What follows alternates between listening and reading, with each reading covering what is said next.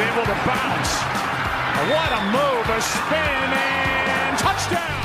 Brady goes for the deep shot. He's got a touchdown. Scotty Miller. 26. Instead of going for it here on fourth and goal.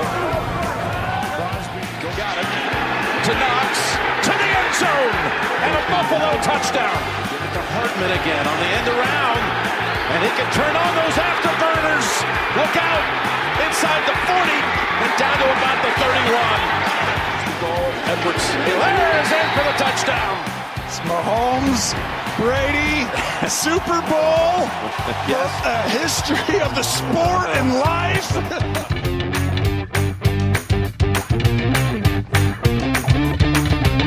Dit is NFL op woensdag, een wekelijkse podcast over de NFL, de National Football League. NFL op woensdag is een productie van KVM Media. Je kan KVM Media op de diverse social media kanalen vinden via KVM Media. En de Super Bowl is bekend. De Buccaneers gaan in eigen stadion de finale der finale spelen tegen de Kansas City Chiefs. Oftewel, Mahomes op bezoek bij Brady. Mijn naam is Klaas-Jan en tegenover mij zit Pieter. Hallo. En dit is seizoen 1, aflevering 20 alweer van NFL op woensdag.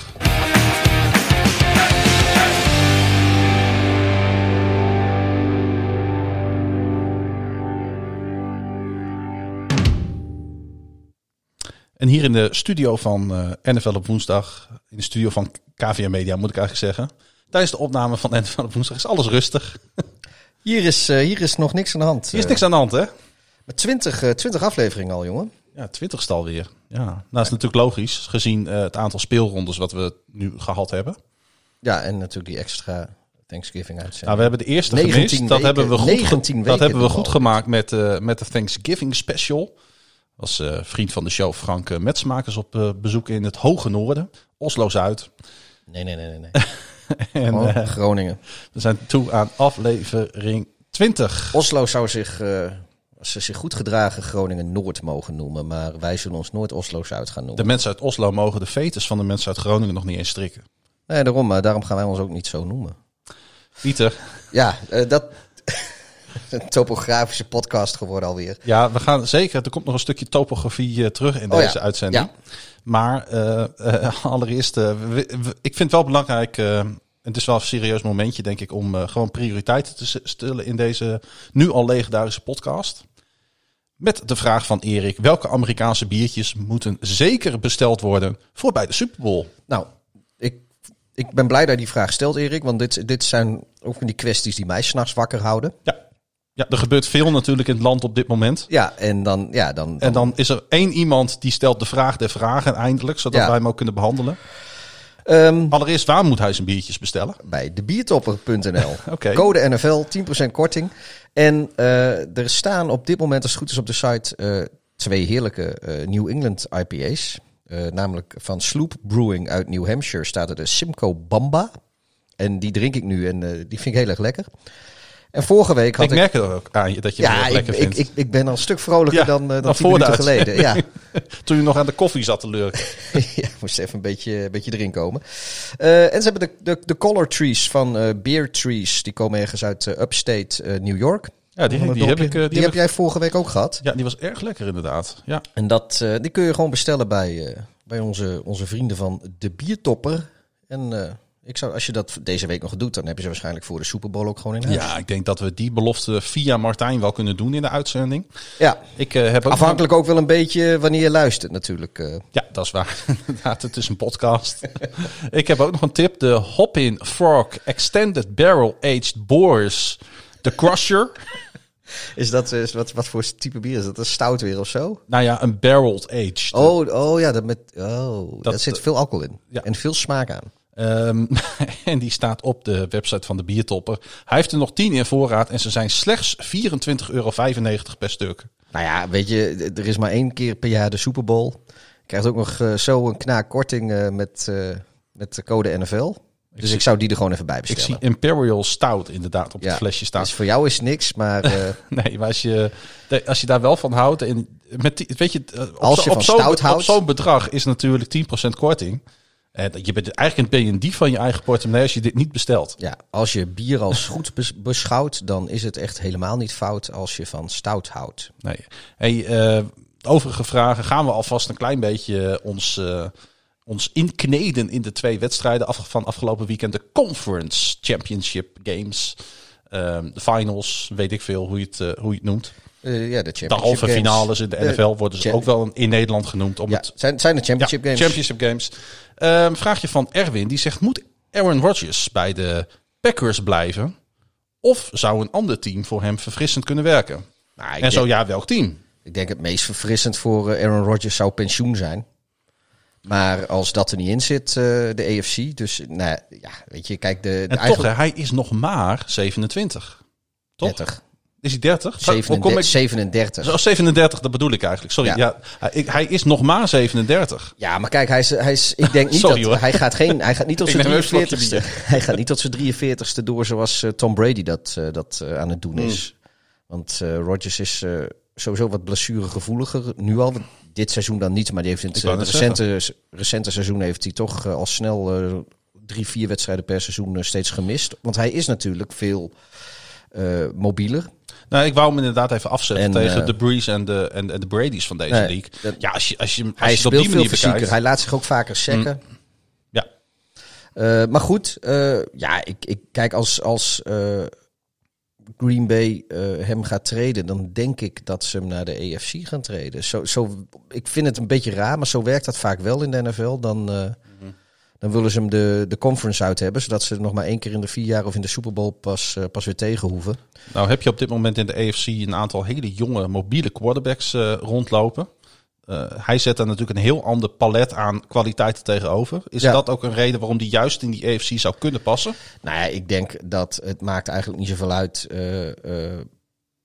wat, wat, wat er aan, aan quarterbacks zal rondlopen. Want de quarterbacks spelen natuurlijk niet tegen elkaar. Die spelen tegen de defenses van... eh, dus in het geval van Mahomes, eh, je speelt tegen de defense van de Chiefs. En, de, en de defense van de, van de Chargers. En, en ga zo maar door. Van de Ravens. Dus dat, eh, dat, dat zal niet zoveel uitmaken, denk ik. Maar Nou, in die, ik bedoel meer dat in die quarterback mix het misschien juist wel leuk zou zijn dat, eh, dat hij daar eh, gaat proberen zijn mannetje te staan. Ja, het is ook wel grappig ook dat, eh, kijk, zijn geruchten, dat, die, die zijn echt van, van, van, echt van vandaag, zo'n Ja. beetje. Dat, dat Rodgers, die, die wil in ieder geval over zijn contract onderhandelen schijnt met Green Bay. Hij heeft natuurlijk na die wedstrijd in de persconferentie ook al gezegd dat hij niet weet waar zijn toekomst ligt. Nou ja, dat kan natuurlijk, dat zegt allemaal helemaal niks. Het is allemaal ge, ge- we, we zitten echt een beetje, de, een beetje in, de, in de lucht te praten nu. Ja, dat klopt. Maar ergens is het wel grappig dat. eh, kijk, want dat geldt natuurlijk ook voor eh, Ma- Matthew Stafford. En die, Mhm. heeft, die heeft wel bevestigd dat hij weg wil uit, bij de Lions. Eh dus er Nou, zijn er twee van die veteranen uit de NFC. Ja. Die, waarvan je best kans hebt dat die naar de AFC gaan. En er zijn denk ik toch teams als Broncos, Colts en Patriots. zijn denk ik wel teams waar ze. Ik zou zeggen, Pieter, laten we het over die persconferentie van, eh, van, van Rodgers en de überhaupt de quarterback carousel straks ook nog even hebben. Ja. Dat is misschien ook wel leuk om, eh, om daar nog even wat uitgebreider op in te gaan. Geert-Jan die zegt inhakend op de uitzending van afgelopen week. Bedankt voor het luisteren Geert-Jan. Oh, ja. En de Packers-Bucks game eh, was het eh, geen verademing dat de refs nu eens een keer zoveel toelieten en hun zakdoeken waar mogelijk in de buutsen lieten. Heerlijk. Tot die defensive pass interference van King natuurlijk. Die was zo flagrant dat ze die niet konden negeren natuurlijk. Nou, ik ben, ik ben blij dat Geert-Jan ook dat objectief eh, bekeken heeft. En inderdaad ook Wat kan de man, wat kan de man ook goed Nederlands trouwens, Ja, hè? voor maar- iemand die zo lang in Amerika gewoond Ja. heeft. Ah, dat, eh, dat hij ook gewoon constateerde dat het een hele flagrante eh, DPI was. Mhm. Daar zijn. Nou, vooral- er was nogal wat huilie-huilie natuurlijk Ja, vanuit er de waren heel veel- over. Ja, en. Zo van, en nu wel. Ja, nee, er, er, er mocht inderdaad vrij veel in het begin. Ja. En, eh, maar ik, dat vond is, het wel, ik vond het inderdaad, want ik ben Het was wel, een het was wel verademing, lekker ja. om naar te kijken hoor. Daardoor. En, eh, maar de- de- er werd ook gewoon. Ze waren wel consequent ook. Want eh, zowel bij de, bij de interceptie die Rodgers gooide. als een van de intercepties die Brady gooide. Mhm. Aan beide intercepties ging ook gewoon een eh, defensieve overtreding vooraf. Een kleintje. Overtredingje. Een kleintje, ja. Een schou Ja. schouderduwtje. Nou, het deed me een beetje denken aan die play van Marcus Peters in de rug van die, Ja. eh, weet je wel, in die, in die, in die eh, game van de Ravens tegen de Titans. Ja. Zo van, weet je, op het randje, eh, maar let the boys play. Ja, ja, ja en, in de playoffs is dat, is dat vaak zo natuurlijk. Dat, eh, of tenminste, in dit ideale eh, geval is dat zo dat, dat er net iets meer mag dan in het eh, regular season. Ja. Maar inderdaad, hij, ik, ik, ik vind in al mijn objectiviteit dat, dat Gitten ook gewoon gelijk heeft. Want, want die van King, ja, weet, ik denk wel dat die speler van de, van de Bucks die liet zich wel vallen. Anders had hij waarschijnlijk die DPI ook niet meegekregen. Maar hij werd ook wel, weet je, dat, dat shirtje is gewoon Nou, twee maten groter. Ik Dat- dacht eerst, wat een fopduik. ja, maar Want de val kwam na de overtreding. En, nou ja, dat leek zo, omdat dat er zat natuurlijk twee meter tussen. Ja, ik zet mijn handen uit elkaar, Ja. dat kun je als luisteraar niet, eh, niet zien. Maar er zat een, bijna een meter was die, eh, was Mhm. die bakspeler al voorbij King. En toen viel die, maar dat was dus omdat hij dat shirt, dat, dat rekte ook echt een heel eind uit. Dat had zijn ondershirt had Ja, hij vast. klopt. En Ja. dat zag je op tv niet, maar dat zag je later in de, in de replays liet ze dat heel goed zien inderdaad. En- ja. Juist daarom was het zo, zo flagrant. Want als je dat had laten doorspelen. eh, en weet je, dan krijg je. Nou, het was dan niet zo verschrikkelijk als bij de Rams en de Saints natuurlijk. Nee. eh, maar dan had je wel weer een nieuwe rel gehad in. eh, Nou, het was natuurlijk wel het moment uiteindelijk van de wedstrijd. Waar, hè, wat was daar een nieuwe first down uitgekomen? Wie weet wat er dan gebeurd was? nou ja, de, ja, maar Maar dat maakt natuurlijk op zich niks uit. Want daar, verliezen, ja, maar was daar daar. verliezen de Packers. die Nee, oké, maar zo voelt dat natuurlijk als fan wel. Een heel epistel binnengekregen van Henk, Henk Kiel, onze mede-Groningen supporter trouwens. Eh, hij zegt, de Bills zijn een rivaal van de Jets. Henk is fan van de Jets. In die zin mooi dat, eh, dat de Chiefs wonnen, maar de Bills stonden zo stijf van de zenuwen dat alles wat de laatste tijd als vanzelf ging, nu allemaal mislukte.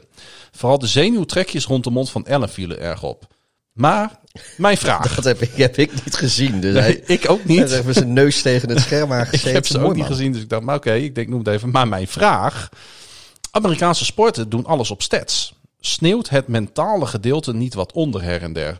Dan bedoel ik niet alleen deze ene wedstrijd, maar ook de teleurgang van eerste ronde picks als Menziel, Rosen en Winston en nog veel meer.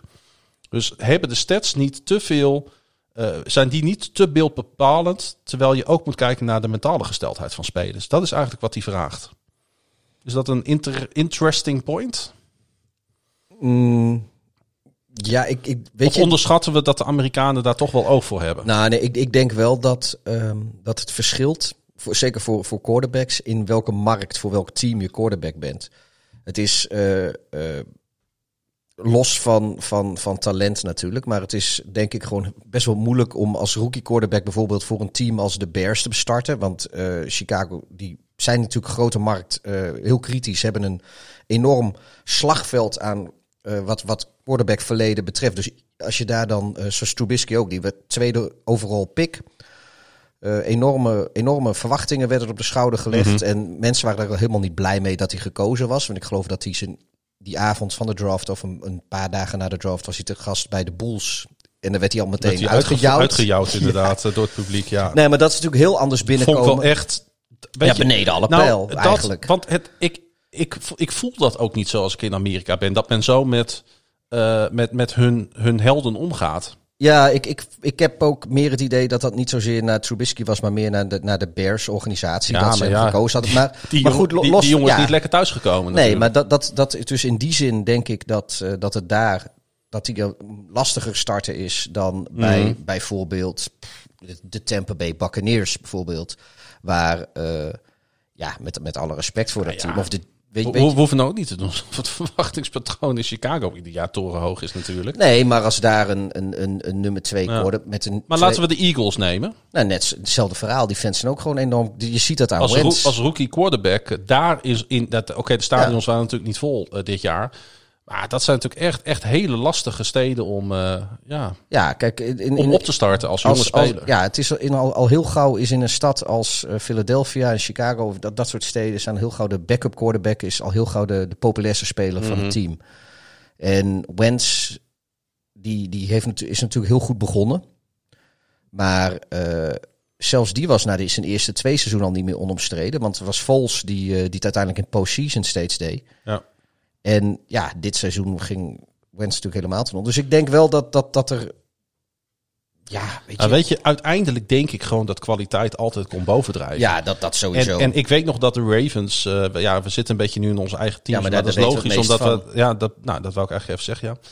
Maar dat bijvoorbeeld die Perryman gekozen werd door de Ravens in 2015 uit mijn hoofd als eerste ronde wide receiver pick. Rashad of zo heet Ja, die? precies. Rashad Perryman. Nou, die liet iedere hete aardappel liet die vallen. Ja, dan is het, weet je, snel klaar. En op een gegeven moment ga je zien, en hij heeft natuurlijk in zijn, hij heeft wel iets betere jaren gedraaid bij de Browns Ja, maar dan zit je dus in. Baltimore, waar ze een, al, al zolang als ze bestaan haast zitten te springen om een fatsoenlijke wide receiver. En dan gaan ze in de eerste ronde voor een wide receiver Precies. en dan mislukt hij jammerlijk. Nou ja, Omdat maar er heel veel druk, druk is- Ja, ja. die druk. Dus Ja.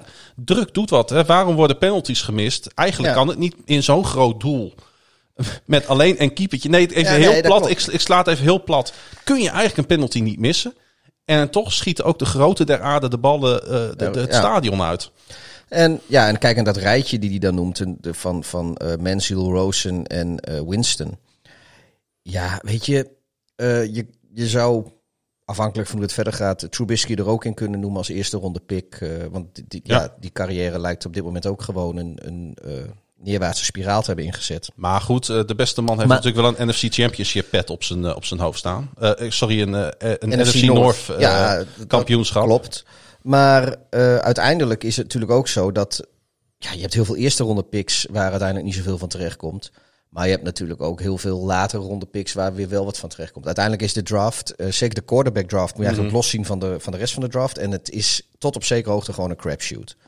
Je weet nooit Nou, van dat, tevoren hoe een college talent zich in de, in de NFL gaat ontwikkelen. eh, een vraag die er een beetje op aansluit van Jorg, die eh, een vraag heeft over de NFL draft. Hij zegt, ik heb het nooit helemaal begrepen. Ehm, ik snap ook wel dat als je NFL gaat volgen, dat het best lastig is om dat systeem te doorgronden. Eh, wie of wat bepaalt dat je daarvoor in aanmerking komt? En dan heeft hij het waarschijnlijk over inderdaad de spelers. Die college spelers. De college spelers. ja. En zit er een maximum aan het aantal deelnemende deelnemers? Er zijn ook zesde, zevende ronde picks. Dus er moeten echt mega veel spelers in een draft zitten. Nou, volgens mij uit mijn hoofd moet je senior zijn. Dus eh in eerste jaar college speler is junior, in tweede jaar is een sophomore en dus je moet derde of vierde jaar zijn. En je moet officieel toch hebben aangegeven dat je eligible bent. Ja, volgens mij moet je een, of ja, je moet een x aantal wedstrijden. Ik weet niet precies hoe dat zit, maar eh, sowieso ja, je maar moet jezelf eli- eligible verklaren Precies. voor de draft. Dat je En dus ik- gedraft wil worden. Nou, ik heb deze de vraag. En zeker als je derdejaars bent, dan moet je dat doen. Ja. Want anders ga je gewoon automatisch niet eh, in, mee in de draft. En dan ga je gewoon naar je vierde jaar toe. Nou, ik heb deze vraag expres ingezet omdat ik ook even wil benoemen. Misschien wel leuk voor de mensen die luisteren. We gaan richting de NFL draft absoluut een eh, een paar uitzendingen hier aan wijden. Ja. Dus we gaan kijken naar de draft class. Ook al moeten we eerlijk zijn, wij hebben niet zo heel veel verstand van college voetbal. Ehm, en zeker, wij volgen die spelers niet op de voet. Maar we gaan natuurlijk wel even uitleggen, wat is een NFL draft? Wat kun je verwachten? Hoe is dat in het verleden gegaan? Hoe zit de volgorde dit jaar in elkaar? Daar kunnen we natuurlijk wel wat over Ja. zeggen. Maar om even heel snel antwoord te geven hierop. eh, er zit volgens mij geen maximum aan het aantal beschikbare spelers. Nee, Eh, er zijn altijd wel genoeg. Eh, en meer dan genoeg. En uiteindelijk blijven er ook altijd wel een aantal spelers undrafted over. Die worden dus niet gekozen. Er zijn zeven rondes trouwens. Bijvoorbeeld, er zijn eh, relatief veel kickers en dat Ja. soort positiespelers die worden undrafted, worden die binnengehaald. Ja, je hebt zeven keer... Nee, je hebt 32 teams, zeven rondes, dus zoveel spelers. En dan zijn er altijd nog wat extra picks die, eh, die er her en der ingegooid worden door de NFL zelf als compensatiepicks of voor, vertrekkend, eh, voor vertrekkende spelers of, of zelfs vertrekkende technische stafmensen. Ja. Dat zijn dan picks die zitten tussen de rondes in. Eh, maar dus uiteindelijk zijn er altijd een, een, een paar handenvol meer picks dan 7 Klopt. keer 32. En- maar dat is grofweg hoeveel er zijn. En het zegt niet altijd wat, hè? Want eh, nee, laten we maar onze grote commentator held Tony Romo nemen. Undrafted. Ja, En zo kunnen we er nog wel een paar opnoemen. Hè, Wes Welke volgens mij was ook zo'n undrafted eh, agent. Ehm, Justin Tucker is volgens mij ook ondrafted Ja. gegaan. Maar nu gaan kickers, die worden wel vaker eh niet Ma- gedraft. Michael, maar- Michael Bennett, de, de beroemde defensive end. Ja, Nou ja, we kunnen zo wel doorgaan. Eh, Jason Peters, de offensive tackle, die, eh, Is volgens mij ook undrafted. En dus het zegt niet altijd wat natuurlijk. Frank zegt, hebben de Packers dit jaar laten zien dat het loont te investeren in O-line in plaats van wide receiver? Herinneren jullie de heisa rondom de draft in Green Bay nog? Ja, gaan we het zo meteen ook nog even over Nou, hebben. eh, de Packers hebben laten zien dat eh, niet investeren in O-line en niet in wide receiver. Want eh, ze hebben natuurlijk hun eerste ronde pick hebben ze gespendeerd. Ze hebben ze omho omhoog Omhoog getrade voor Jordan Love, voor Ja. een backup quarterback. 26e positie. En hun tweede ronde pick, of in ieder geval hun tweede draft pick, was volgens mij die Dylan. Die, dat was de running back. Ja. Ehm, dus ja, wat ze in ieder geval hebben laten zien, is dat je met die keuzes niet in de Super Bowl terechtkomt. Aan de andere kant, eh, dat is natuurlijk ook lekker populistisch gelul. Want eh, de, de Packers hadden alle kans om eh, op eigen kracht gewoon die wedstrijd van de Buccaneers te winnen. Mhm. En dan, En we moeten niet doen alsof eh Rodgers met deze O-line niet geweldige dingen heeft laten zien tijdens het reguliere seizoen. nee, er was niet zoveel mis met die O-line. En, Nee. en nu in één keer eh, doet iedereen, ja, dit is, is een beetje vooruit. Nou, op, het wedstrijdcommentaar dat ze Bakhtiari heel erg misten. Aan de andere kant, toen ze van de Rams wonnen, hoorde je niemand over het gemis van Bakhtiari. En nu verliezen ze van de Buccaneers. Ja. En eerder dit seizoen hebben ze natuurlijk ook eh, behoorlijk klop gekregen van de Buccaneers. Veel meer dan, eh, dan afgelopen wedstrijd. Maar laten we het zo zeggen. Ze hebben, En natuurlijk daar was Bakhtiari wel bij. ze hebben natuurlijk wel veel dollars geïnvesteerd in hun line. Dat, Ja, ja, ja. Dat, daar staan een aantal vette contracten.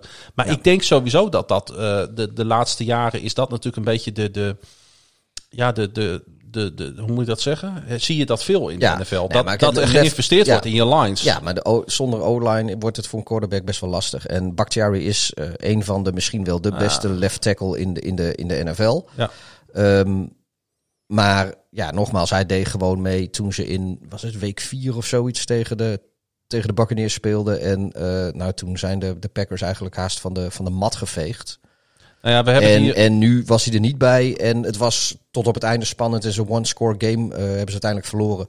We hebben het hier natuurlijk ook over player roster management, om, zoals ze dat in Amerika zo mooi noemen. We hebben het eerder dit jaar over gehad dat, dat het bijvoorbeeld bij de Eagles niet goed op orde is. Ze hebben te risicovolle free agents binnengehaald bijvoorbeeld. Ze hebben spelers die niet goed genoeg presteerden te grote contracten gegeven. Ja, daar zijn teams als de Packers, eh, als je het hebt over management op dat niveau, wel een stuk beter in gewoon dan, dan, Ja. dan bijvoorbeeld de Eagles. Nou, en nu is het zo dat het talent van Aaron Rodgers, dat compenseert gewoon voor... eh, eh, kijk, nu hebben ze natuurlijk nu op in ieder geval hun wide receiver 1. Daar hebben ze bepaald niet te klagen over hoe talentvol die is. Nee, Hun running back is normaal gesproken ook meer dan uitstekend als die fit is. Ik denk dat voor deze drie receivers, hè, Maar- voor Lazar, eh Veldis, Scantling. Scantling en Adams, dat heel veel teams daar toch echt een moord voor zouden doen. Ja, Frank noemt ze gemiddelde receivers. Nou, Nou, ja, weet je, nou, maar dat, dat, dat zou kijk, ze toch niet zo willen wegzetten. eh, kijk, Adams is natuurlijk even buiten categorie. Maar die andere twee, die zijn op zich niet bijzonder. Eh, maar dat hoeft ook niet, want eh, Aaron Rodgers maakt ze wel bijzonder. Een goede quarterback die maakt van matige receivers gewoon hele goede receivers. ja, ik zei het zondag al op eh, Twitter. Ventless Keltling hebben we ook wel genoemd deze, dit Ja, seizoen. RRVS. Heeft, ehm, heeft tijdens het reguliere seizoen, met name in het begin, zelfs doodsbedreigingen gekregen van... Ja. Ja, die heeft een paar ballen laten vallen. Daar word je, daar word je, daar word je niet wijs van. ja maar hij was, hij was er weer helemaal bij deze keer. Ja, Speelde een grandioze wedstrijd. Uiteindelijk leer je het wel. Maar goed, eh, Ja. ja. we, we, zitten nu, eh, we zitten nu al Nee, de hele de wedstrijd in. te bes- bespreken. Maar nee, ik, in, in, ja, ik, het loont altijd om te investeren in je O-line. En als je een hele goede quarterback hebt, dan is dat alleen nog maar nog verstandiger. Want dan denk ik dat, eh, dat je met één goede wide receiver en twee Mhm. matige een heel eind, of twee gemiddelden, matig klinkt zo negatief, twee gemiddelden een heel eind komt. Want een, ja, een echt goede quarterback, en dat is Rodgers, die je maakt van een gemiddelde wide receiver gewoon een, een goede wide receiver. Laatste vraag eh, eh, van Patrick. Moest even, even kijken, even scrollen. Wat is jullie mening over het feit dat de Pro Bowl tussen de Championship Games en de Super Bowl in zit? Het zou toch veel fijner zijn als de Super Bowl dit weekend zou zijn? Ik vind het maar een irritante onderbreking. Bij de NBA zit het gewoon midden in het reguliere seizoen. Heeft hij een punt? Mm, nee. Dat dacht ik al. Nou ja, kijk, als je, als je de, de, de Pro Bowl midden in het seizoen zou doen, dan zou geen enkele speler daar naartoe gaan. Want je kan er niks winnen. Eh, zelfs geen thuisvoordeel voor. eh, ehm, kijk, dat, dat is bijvoorbeeld bij het honkbal zo. Dan kun je met de, eh, met de All-Star Game kun je thuisvoordeel winnen voor de World Series. Want het is ook best of seven. Dus één team speelt vier keer thuis en één keer maar drie keer. Of één team maar drie keer. En dan kan dan de American League of de National League, die kunnen daar, eh, eh, afhankelijk van wie er wint, dat team heeft eh, het thuisvoordeel. Ja. Dus da daar staat iets op het, op het spel. Maar als je in de NFL de Pro Bowl, je wint er niks mee. En als je het midden in het seizoen doet, kun je dus alleen maar geblesseerd raken. Of je raakt uit je voorbereiding voor de volgende wedstrijd, uit je stramine, uit je training. Je raakt uit je ritme. Ja. Dus, dus je verliest alleen maar erop. Dus spelers gaan daar echt. Denk je dat een Aaron Donald eh, na week 8 gewoon zegt van nou weet je, ga even naar Hawaii of, of naar Florida voor een Pro Bowl? Gaat hij echt niet doen. Ja, ik denk vooral dat je deze sporten niet naast elkaar moet zetten. Nee, nee maar Dat is het, nee, eh, precies. dus, maar Ja. daarom doen ze dat niet. Nee. En eh, daarom zit het ook zo laat in het seizoen. Want Mhm. dan willen spelers nog wel meedoen, behalve de Super Bowl deelnemers. Als je het na de Super Bowl doet, dan is alle momentum weg. Ja. En nu heeft het als voordeel dat van in principe 32 teams doen de, kunnen de spelers gewoon meedoen. En de twee Super Bowl teams hebben gewoon een week extra voorbereiding, waardoor ze eh, waardoor de, de Super Bowl zelf vaak ook van iets hoger niveau is, omdat ze nog meer de tijd hebben gehad om, om Ja. echt naar die wedstrijd toe te leven. Ja, precies. En het geeft natuurlijk een kans aan heel veel spelers die inderdaad ja, geen rol van betekenis in het naseizoen spelen. Dat die gewoon nog even weer in die spotlights worden gezet. Terecht. Ja, en het, het, het, het, het maakt ook eh, de, zeg maar de, het, speelveld gelijk voor beide teams. Want Ja. stel dat je een, een, een Super Bowl hebt tussen een Oostkust en een Westkust team. En de Super Bowl is ook aan de Oostkust of Westkust. Dan eh, heeft het andere team echt veel meer, echt lang de tijd om zich te acclimatiseren aan vier uur tijdverschil. Ja, Eh, eh, ja dat speelt allemaal dus, dus- mee. en, en je maakt Mhm. alles een beetje gelijk. En, Dus ik, ik vind dat dit, ja, die Pro Bowl hoeft eigenlijk niet van mij in de NFL. Weet je, maak er lekker zo'n skillcompetitie van. En die hele Pro Bowl, wat ze nu ook al doen, dat is wel lachen. En die hele Pro Bowl, ja, Ik moet je heel eerlijk zeggen dat ik, eh, ja, nee, ik heb er niet zoveel mee. dat ik eigenlijk, ja, misschien de laatste keer dat ik, echt, dat ik hem echt helemaal volledig heb gekeken, dat dat alweer een jaar of vijf, zes geleden is. Ja, ik heb het wel eens gedaan als ik eh, s s'nachts eh, niks te doen had. Ja, precies. Maar kijk, die skillcompetitie wil ik nog wel eens een keer terugkijken op YouTube. Ook niet live hoor, dan kijk ik gewoon die YouTube filmpjes eh, terug. En de Pro Bowl hoeft voor mij niet. Maar als hij dan toch ge- gespeeld wordt, dan vind ik dit het beste moment. Om de redenen die we net heel uitgebreid... Ja. eh, Eens. Bovendien is het lekker om, eh, om, om ons twee weken lang te verheugen natuurlijk op, een, eh, op die Super Bowl. Ja, want volgende uitzending wordt waarschijnlijk een, een vooruitblik Ja. waar we eigenlijk niet zo van houden op de Super Bowl. En die Pro Bowl gaan we het verder niet echt over Ja, wij, zijn niet, zo- wij zijn niet zo van de previews, maar we komen er niet eh, onderuit, denk ik. Ja, of we gaan gewoon een weekje vakantie. Maar dat beslissen we wel tijdens de Pro Bowl weekend wat we doen. Hey, het laatste eh, itempje wat ik nog even wil aanstippen, dat is de nieuwe headcoach van de Detroit Lions. Dan Campbell en zijn mooie persconferentie. Ja, die had een geweldige speech. En ik stel voor dat we daar eerst even naar gaan luisteren. ja. This place has been kicked, it's been battered, it's been bruised, and I can sit up here and give you coach speak all day long. I can give you, uh, you know, hey, we're going to win this many games. I can't. But uh, none of that matters, and you guys don't want to hear it anyway. You've had enough of that shit. So excuse my language. All right. Here's what I do know: is that this team is going to take on the identity of this city. All right, and the city's been been down, and it found a way to get up. All right. It's found a way to uh, overcome adversity. All right. And so this team's going to be built on, uh, we're going to kick you in the teeth. All right. And, and when you punch us back, we're going to smile at you. And when you knock us down, we're going to get up. And on the way up, we're going to bite a kneecap off. All right. And we're going to stand up. And then it's going to take two more shots to knock us down. All right. And on the way up, we're going to take your other kneecap and we're going to get up. And then it's going to take three shots to get us down. And when we do, we're going to take another hunk out of you. Before before long, we're going to be the last one standing. All right, that's going to be the mentality.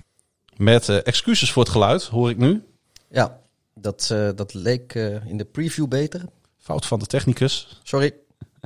Eh, maar het gaat natuurlijk om wat hij daar, eh, wat hij daar allemaal zegt. En dat was goed te verstaan. Daar Ja. zat geen woord eh, Spaans bij. ik moet eerlijk zijn, ik ging er goed op. Ik, ik moest, ik had wel een beetje cringe hoor. Ik denk Ja. van, ja joh, kom, kom op man. Dit, dit, als je zeg maar een hele slechte eh, Hallmark film hebt over een high school voetbalteam of zoiets, eh, dan, dan verwacht je dit soort speeches. Ja. Niet, dit, dit verwacht je niet bij de, de introductiepersconferentie van, of de introducerende persconferentie van een nieuwe headcoach in Hij, de eh, NFL. hij staat er een beetje bekend om. Hij, is, eh, hij is wel heel populair bij heel veel mensen.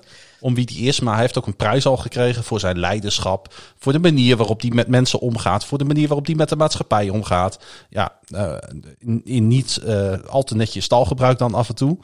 Maar goed, hij wou, hij wou zich even laten gelden. Ja, ik denk er zijn ook maar twee teams, denk ik, waar, dit, eh, waar ik vind dat dit past. Ja. Dat is Detroit en de Raiders. Ja, precies. En eh, Ja, dat is, ik denk dat dat wel klopt wat je zegt. Ik denk dat de mensen in Detroit dit, eh, dit wel kunnen waarderen. ja, behalve Matthew Stafford. Laten we naar die... ja, oké. nee, het nou goed, die, die, die had dat al besloten, geloof ik, voordat. eh, Laten we naar die twee wedstrijden gaan. Eh, we, gaan we gaan zien wat er van deze Dan, eh hoe heet die, Campbell? Wat, er van, wat er van terechtkomt in Detroit. nou, het zal wel Hij heeft volgens mij vier jaar of zo, vier of zes jaar. Hij heeft best wel een lang contract, Ik- vond ik. ik- ik weet- volgens mij vier. maar goed, we gaan wel Jij naar, bent van de NFC North. Het- ik hoop in ieder geval dat eh, voor Detroit dat het een keer wat wordt daar. Eh, we gaan naar die twee wedstrijden. De Buffalo Bills en de Kansas City Chiefs. 24-38. En het was natuurlijk... Ja, eh, even de vraag of eh, Patrick Mahomes het zou redden... na zijn blessures opgelopen in die wedstrijd tegen de Cleveland Browns. Maar hij stond er gewoon. Ja, met Ja. zijn turf toe Met zijn turf toe. De goede verstaande hoorde het al voorbij komen. in de... Oh, in de NFL maar dan snel. Verge- Die moeten we nog doen. die vergeten we gewoon. Vergeten we.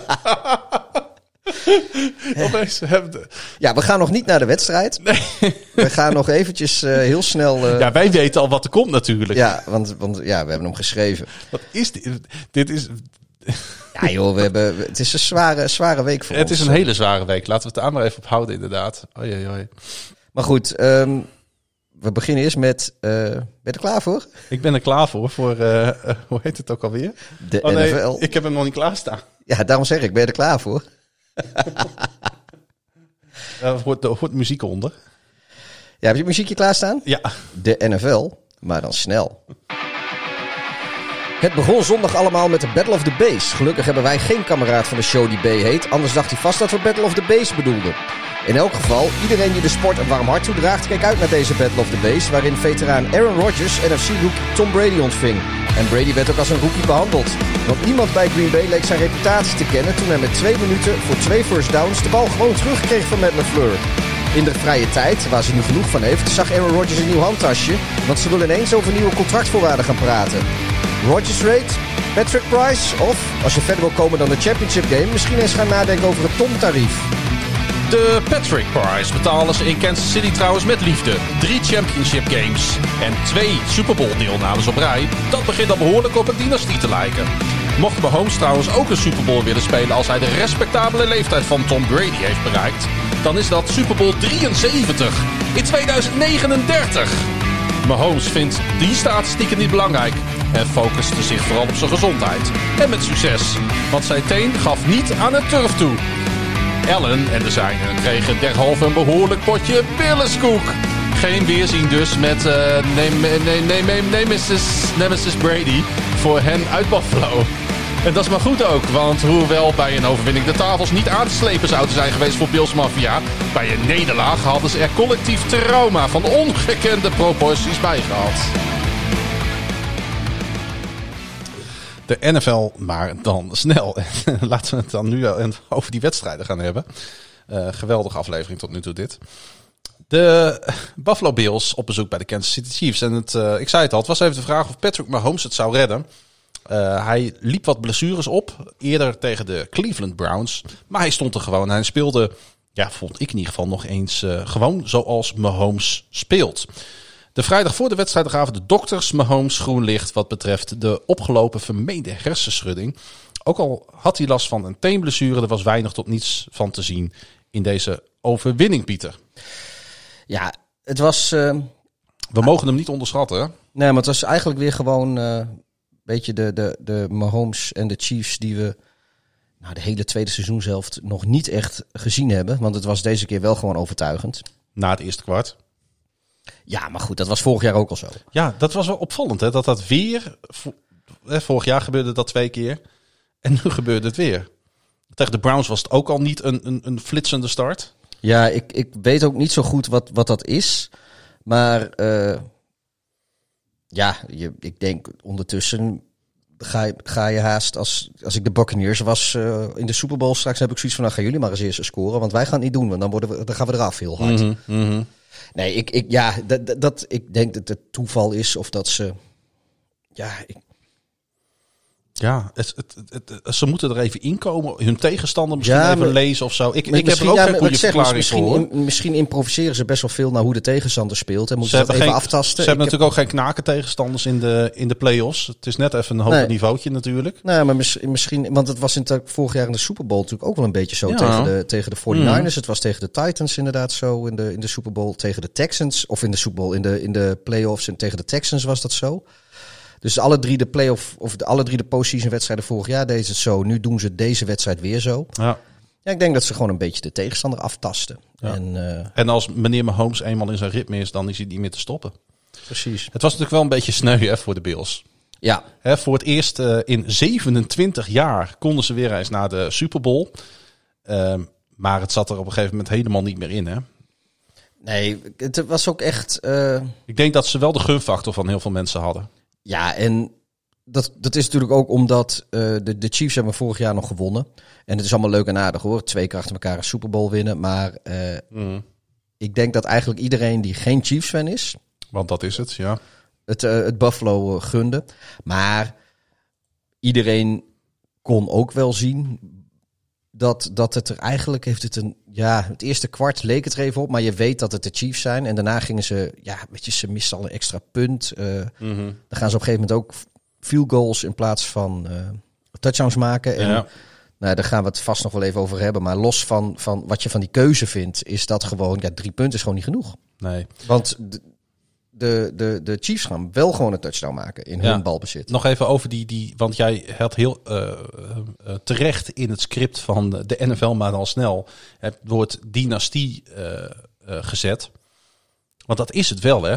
Dan Ja, hebben die, dan ze- hebben die Bills. ze worden. Da- nou, dat kunnen ze worden, oké, maar dan hebben die Bills dus bijna twintig jaar lang te maken gehad met de Patriots. Al kwamen ze die in de playoffs nooit tegen, omdat de Bills daar nooit in speelden.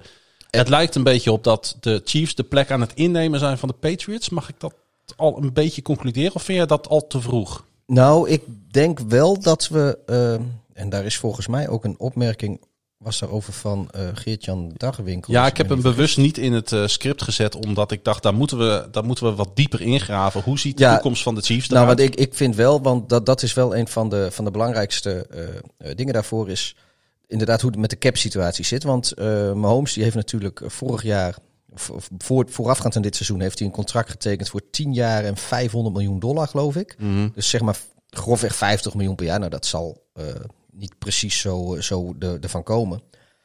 Maar je ziet bij heel veel teams dat op het moment dat, dat de rookie-contracten aflopen... en zeker de quarterback en wat andere sterspelers echt betaald moeten gaan Nou, worden... Mahomes heeft zijn contract natuurlijk al te pakken. Ja, maar we weten, ik weet niet precies wat de cap hit dit seizoen is. En nee, dat weet ik is- ook niet. Moet ik, dat, dat, dat gaan we zeker Maar nog er, gaan, maar er gaan straks er gaan Ja. contracten geherstructureerd moeten worden. Eh, er gaan ook geen... eh, Nou, kijk, als ze dat gaan doen op de manier waarop natuurlijk de Patriots dat hebben gedaan. En volgens mij kan dat. Als je kijkt naar het contract van Mahomes, hè, dat bedrag uitgesmeerd over 10 jaar. Daar moet ruimte zijn om daaromheen toch het een en ander te bouwen, zou je zeggen.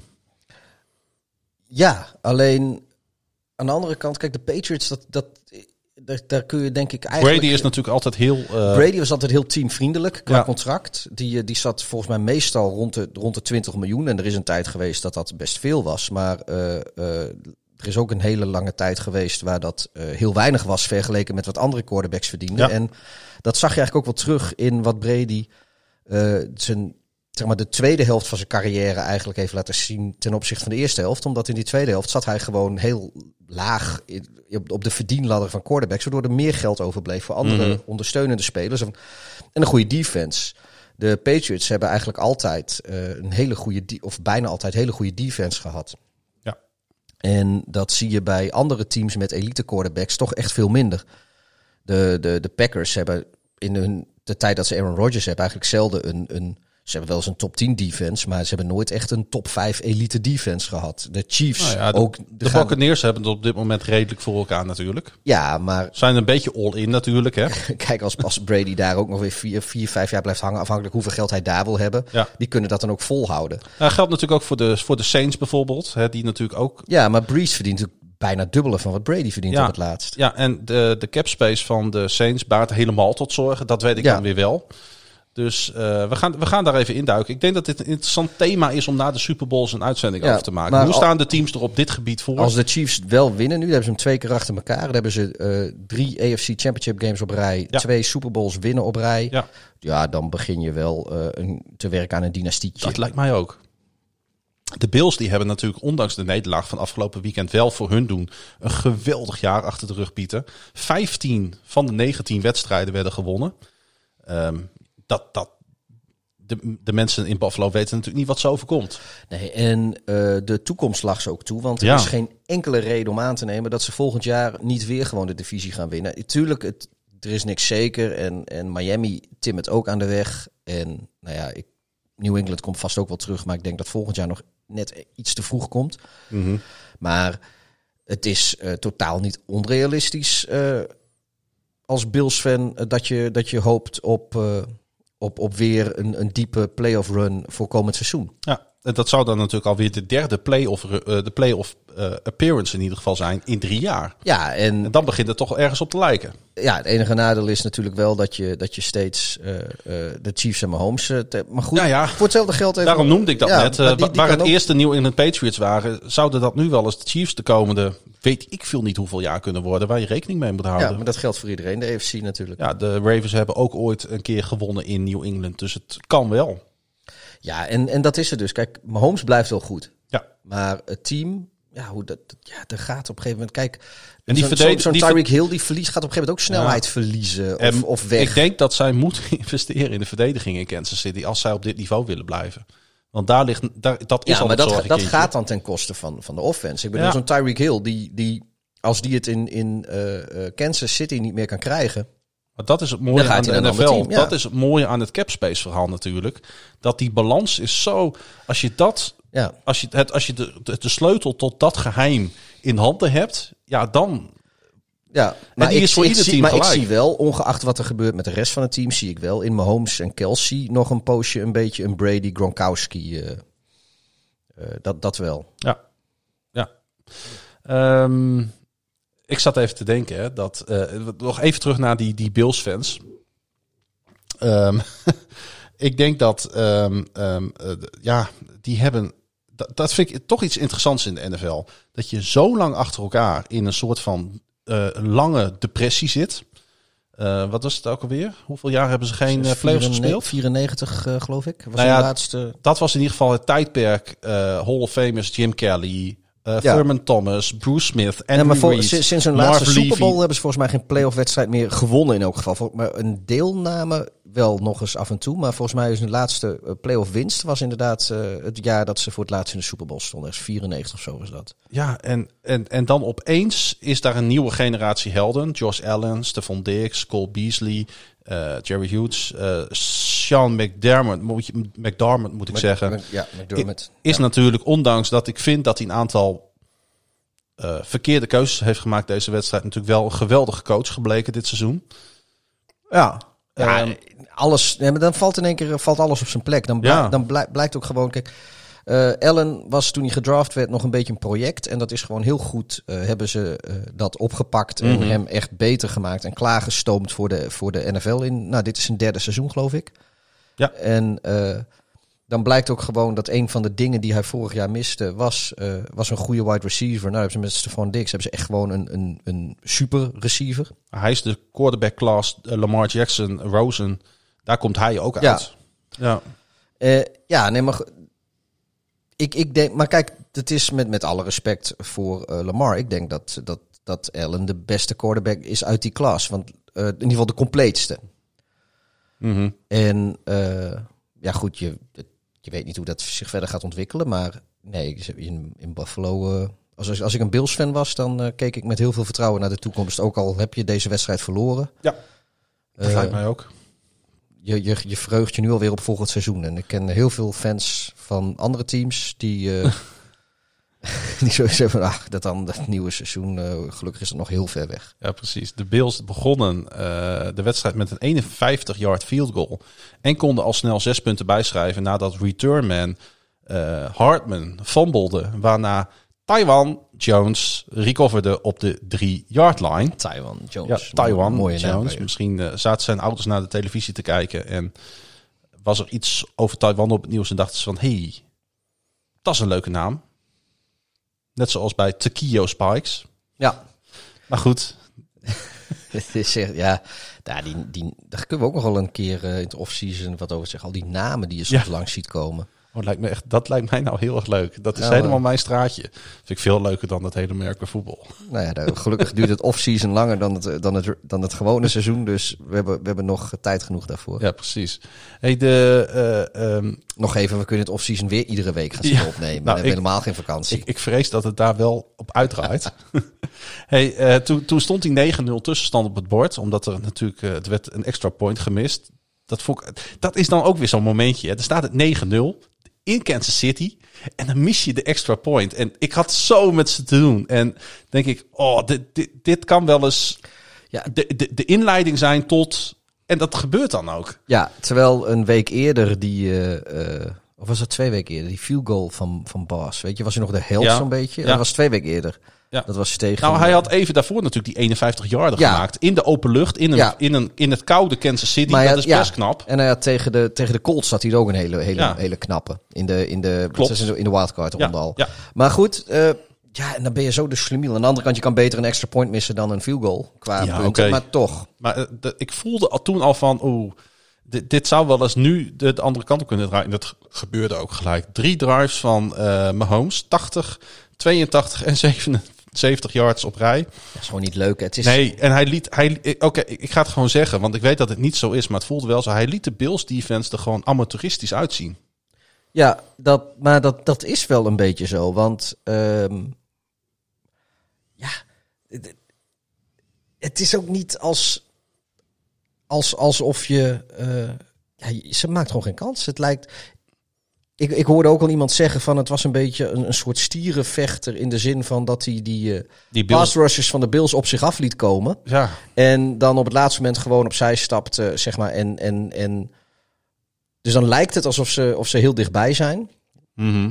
Maar dat is niet zo. Dat Mahomes, die laat je dat gewoon denken. En, en dan zet hij een stap opzij. En dan heeft hij weer een extra anderhalve seconde of een extra seconde om die bal te gooien. Dat is niet mijn, eh, mijn, mijn originele Nee. mening. Ik heb dit gehoord in een, eh, in een andere podcast. Maar goed, ik, ik had wel zoiets van... Ja, dat, je mag ook naar andere ja, podcasts precies. En ik had wel zoiets van... Ja, maar dat is wel wat, wat het is. ja. Dat, dat, ja, dat vond ik wel heel, heel, een hele treffende vergelijking. Met een soort, soort uh, die... Mhm. De toreador. een soort stier- stierenvechter die... eh, ja, Hartman eh, die maakte zijn eerdere fout wel goed met het eh, vangen van een touchdown pass. En Darrell Williams en Clyde Edwards-Helaire, hij was weer terug. Scoorde over de grond. hadden ook gezegd, hè, als die weer terug is... Misschien dat, er, Mhm. dat we dan weer de ouderwetse Chiefs zien. Nou, en het waren de ouderwetse Chiefs. Is hij, is, drie is kwart hij dan de X-factor? Ja, hij is, hij, ik denk wel dat hij echt heel belangrijk is, ja. Met alle respect voor wat hij verder ook kan rennen. Hij, hij maakt het het hele seizoen natuurlijk al waar. Nou, de X-factor is natuurlijk Mahomes. Gaan ze, gaan ze trouwens last hebben van dat, eh, dat die left tackle, die Fisher, zijn Achillespees gescheurd heeft? Ja, dat eh, Eric Fisher is dat, hè? Ja, die, eh, die is er niet bij. eh, nee, want Hmm. die... eh, nou ja, als hij zijn Achillespees gescheurd heeft, dan eh, moet moeten we afwachten dat hij... eh, Ik denk dat, het, eh, dat dat hele belangrijke factors in een team zijn. Maar als ik zie hoe eh, onze grote vriend Patrick Mahomes op dit moment draait, is het een iets minder belangrijke factor. Voor de gemiddelde quarterback zijn die, eh, zijn die, die linemen of die tackles die uitvallen, of, de, of een guard die uitvalt, aan Ja. de andere kant zijn ongelooflijk we, belangrijk. zagen wel, we zagen natuurlijk ook wat de, wat de Buccaneers tegen, tegen, de, de, tegen de Packers en Rodgers deden. Waar Precies. ze ook hun left tackle misten. En ik Ja. zei net van, joh, dat, daar verliezen die wedstrijd niet op. Maar het maakt het er ook zeker niet makkelijker op. Ik die heb het- pass rush van de Buccaneers is wel beter dan die van de Bills, denk ik. Ja, dat absoluut. Ik, ben, ik denk dat gewoon dit soort, eh, ja, wat maakt voor Mahomes wel uit? Ja, dat zou ik zeggen. Ja, denken. ja. want ja, met alle respect voor Aaron Rodgers, op dit moment is Patrick Mahomes gewoon een betere quarterback. Dat, Absoluut. Dat, dat, dat is wel zo. Ja.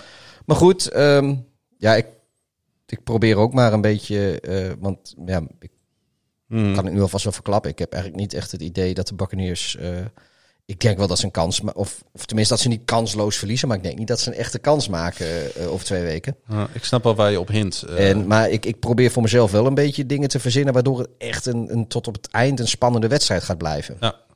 Eh, de Bills konden eh, eh, voor rust nog drie puntjes bijschrijven. Maar die waren wel wat zuur omdat McDermott er niet voor durfde te gaan op fourth en goal vanaf de twee.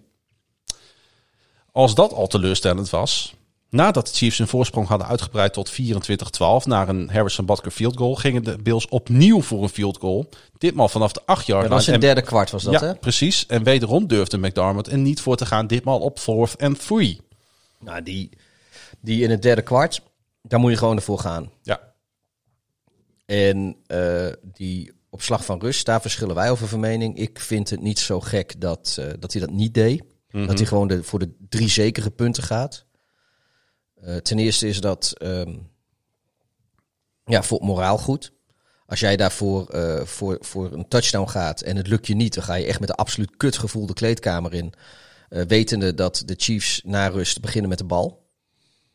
Ehm, nu pak je in ieder geval die punten. En inderdaad, kijk, in het derde kwart doe je het gewoon wel. Want als het je dan niet lukt, dan is het de turnover on downs. Maar dan heb je de Chiefs in ieder geval met een kont in de eigen endzone. Dus, en dat is lastig genoeg tegen de Chiefs, dat weet ik ook wel. Maar je speelt uiteindelijk gewoon om te winnen. Eh, als je dan één stop hebt van je defense, eh, dan heb je een goede veldpositie naar de punt. Of ja. heel misschien halen er wel een safety of weet ik veel wat uit. Dat kan ook. Ik had er wel moeite mee hoor. Ook voor rust. Maar goed, dat is ja. Ehm, kijk, ik, ik, ik kan makkelijk praten vanaf de bank. Ik kan me ook voorstellen dat een coach met de eh, eh, responsibilities die daarbij horen, inderdaad een andere keus maakt. Ja, ik kijk, denk, maar ik kijk natuurlijk als kijker willen we als spektakel. kijker, nou ja, ik ja. Maar ik, ik, ik denk wel, kijk, als coach ken, ken je je team. En het is ook niet zo dat de Bills. Ja, maar nou, zeg, je- nou, zeg je laf- iets, nou zeg je iets interessants. Want als coach ken je je team. Als coach ken je ook het team wat aan de andere kant staat. Je tegenstander. En de Chiefs begonnen aan deze wedstrijd als de slechtste red zone defense in de league. De Chiefs stonden dit seizoen 76,6% van de tijd een touchdown toe in de red zone. Ja, maar. En dat denk ik, dat mag je ook meewegen in zo'n beslissing op dat moment. Ja, ik wil eigenlijk zeggen van hoeveel ervan waren garbage time touchdowns. Maar dat, dat argument gaat niet op, omdat ze eigenlijk de hele tweede seizoen zelf die wedstrijden best wel close laten zijn. Ehm, dus ja, dat, dat, dat, dat, dat, argument eh, durf ik niet eh, ter tafel te gooien. Ja, je, hebt- je, je, hebt, je, hebt, je hebt in zoverre gelijk dat, eh, dat het zeker... Ja, die, die in het derde kwart, die geef ik je sowieso. Die hadden ze gewoon moeten doen. Nou, ik, en die op slag van rust ergens, want daar zit dus wel Had- de factor in dat... had dat iemand het hem kwalijk genomen als hij ervoor was gegaan en het was niet gelukt? Nou, dan zit je wel in een diep gat als... eh, Ja, maar weet je, Zowel qua punten als, als, als... Weet je, dan lijkt die wedstrijd... Dan ga je wel... Weet je, het is net als gewoon met... met Mhm. eh, le- lekkere psychologie van de koude grond zitten wij lekker met ons biertje in een warme woonkamer eh, daarover te oordelen. Maar dat werkt, is met voetbal natuurlijk ook zo. In gewoon voetbal hebben we ook altijd. Weet je, als je in de blessuretijd voor rust nog een goal tegen krijgt. Terwijl, als je, terwijl je met eh 1-0 of, of gelijk of, of weet je, terwijl, terwijl je voorsprong of gelijk staat. Dat, dat doet meer pijn eigenlijk dan als je hem na 30 minuten tegenkrijgt. Ja, weet je wat Mahomes dan wel weer doet? Op het moment dat ze dus in het derde kwart voor die field goal gaan, echt gelijk de drive daarna geeft hij die bal op Hill voor een 71 yard gain. Ja, Ja, en twee, dan is het gebeurd. En twee snaps later van Kelsey alweer de bal in de endzone staat het 31-15. ja. Zij, als, als je dus er niet voor gaat, het wordt ook onmiddellijk afgestraft door het betere team. En Ja. dat was deze wedstrijd natuurlijk ook zo. Ondanks dat de Bills nog een onside kick recoveren. Ondanks dat ehm, Allen nog een touchdown gooit. Ook trouwens een turnover. De Chiefs waren het betere team. Ja. Punt. Ja, en, en, en- als, en als, ze dat die, is ook gewoon de constatering. als die twee field goals een touchdown waren geweest, en het waren waarschijnlijk gewoon zeven punten touchdowns geweest, je gaat dan niet voor twee, dan hadden ze alsnog verloren, maar dan met eh, zes punten verschil in plaats van veertien. ja. Ja.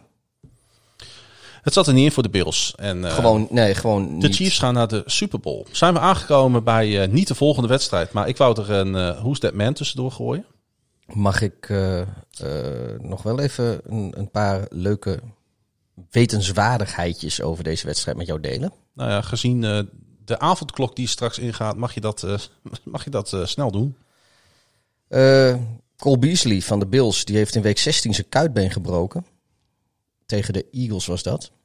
En daar heeft hij uh, uh, één wedstrijd heeft hij gemist, week 17. Maar hij heeft ja. hele, hele playoffs heeft hij gewoon doorgespeeld ja, met een gebroken kuitbeen. Dat vind ik, op zich ben je dan wel een, uh, een, een, een, een dikke, dikke held. Ja, eens.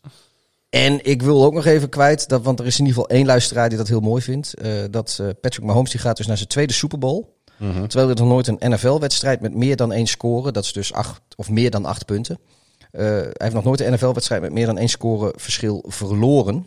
En de laatste keer dat Mahomes een wedstrijd met meer dan met negen punten of meer verloor, was 19 november 2016. Dat is dus zijn college tijd nog. Hij speelde toen voor Texas Tech. En hij verloor toen van Iowa State met maar liefst 10 tegen 66. 66. Ja. Ik ook nog even uh, verteld hebben. Wauw. En ja, 85% van alle televisies in Kansas City keek naar deze wedstrijd. Dat is ook gewoon echt een bizar hoog percentage. En uh, nu, uh, nu mag jij weer. Ik heb mijn feitjes gespuugd.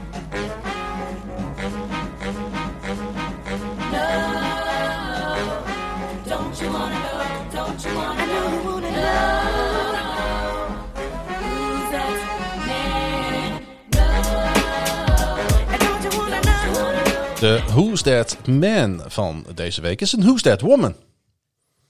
Nou, dat is dat lekker is inclusief. Toch een potje leuk. Nou ja, 2021 moet dat ook gewoon kunnen. Ja, en wij zijn uh, vooruitstrevende jongens. Dus hebben wij gekozen voor Sarah Thomas. Ja. Wie is Sarah Thomas? Dat ga ik zo meteen vertellen. Ik ga eerst vertellen dat Sarah Thomas, want we beginnen altijd bij het begin, is geboren op 21 september 1973 in Pascagoula. Is uh, Mississippi? Ja, inderdaad, in Mississippi, heel goed. En, uh, en daar is wat mee. Niet alleen met 1973 en niet alleen met Pascagoula, maar daar ook, gebeuren vreemde dingen. Ja, ook met 1973 in Pascagoula. Want in dat jaar vond in de geboorteplaats van Sarah in het geboortejaar uh, iets plaats wat Amerika en de wereld zou schokken. Twee mannen, Charles Hickson en Kelvin Parker, claimden namelijk dat ze waren ontvoerd door aliens, terwijl ze aan het vissen waren in de Pascagoula River. Het gebeurde allemaal toen Sarah nog maar een dag of twintig oud was op de avond van 11 oktober 1973. De 42-jarige Charles en zijn 19 jaar oude zoon Kelvin waren aan het vissen op een pier aan de westbank van de Pascagoula River in Mississippi toen ze een suizend geluid hoorden. En twee flikkerende blauwe lichten zagen, gevolgd door een ovalen object van zo'n 12 meter breed en 3 meter hoog. Parker en Hickson claimden dat, hoewel ze verlamd waren, ze toch bij hun volle bewustzijn bleven, terwijl drie wezens met robotachtige spleetmonden en klauwen als die van een krab hun aan boord brachten van het object en de twee nauwkeurig onderzocht werden. Wat, daar wil ik het fijne trouwens niet van weten. Ik ook niet. Een jaar later claimden de twee nog meer ontmoetingen met aliens. En in 1983 brachten ze een boek uit. UFO Contact at Pascagoula. Ik, uh, ik heb hem niet op de plank staan, moet ik zeggen, dat boek. Maar dan weet je, dan hebben, dan hebben wij in dit geval dus een Who's That Woman. Dan ga ik kijken van, nou, waar is ze geboren? Wat is er Ja. gebeurd? En dan exact in het jaar dat ze geboren wordt. het meisje is 20 dagen oud. Gebeurt een van de eh, meest bizarre dingen. Tenminste, meest Een- verondersteld. Een, een, een soort Roswell, ja, maar dan gewoon in Mississippi. en dan gebeurt dat in dat plaatsje Pascagoula, Mississippi. Waar Ja. onze Who's That Woman Nee, deze, ter wereld kwam. deze mevrouw stond, eh, stond al een, een ja, die, vorige week hebben we die op de shortlist gezet voor de Who's That Mhm. Man. En eh, nou, vandaag dus even, even erin gedoken. En we zaten nog geen vijf minuten, zat jij te kijken. En toen verkneukelde je je al toen je even ging... Oh, het ging om, inderdaad om de uitspraak van het plaatje. We op YouTube kijken van wat is er op YouTube over dat plaatje te vinden. Pascagoula. Pascagoula. En het eerste filmpje was... eh, Nou ja, Ja, en, en ik heb jou zelden zo gelukkig op de stoel zien draaien. Nou ja, ik vind het dan zo mooi dat, je, dat, je, dat wij random iemand uit de NFL pikken. En er zit gewoon gelijk een verhaal in. Ja. Oké, dat heeft niks met haar te maken. Daar gaat het niet om. Daar gaat is het niet gewoon om. leuk. Maar er is gelijk een sidestep waar ik dan heel vrolijk van word. Kijk, we hebben het eh, in deze podcast gaat ook een beetje om de Amerikaanse cultuur en, en om Ja. bier. En eh, de NFL is eigenlijk alleen maar een excuus om daarover te praten. Exact. Pascagoula ligt trouwens in Jackson County. En de stad is onderdeel van de Gulfport Biloxi Pascagoula Combined Statistical Area. Jackson, Mississippi, is daar ook niet een, een heel beroemd liedje over? Ja, eh, going to Jackson. Ja, of, en daar, daar hebben volgens mij eh, de bende van Buffalo Bill heeft daar volgens mij Aftershave uit Assen van gemaakt op die melodie.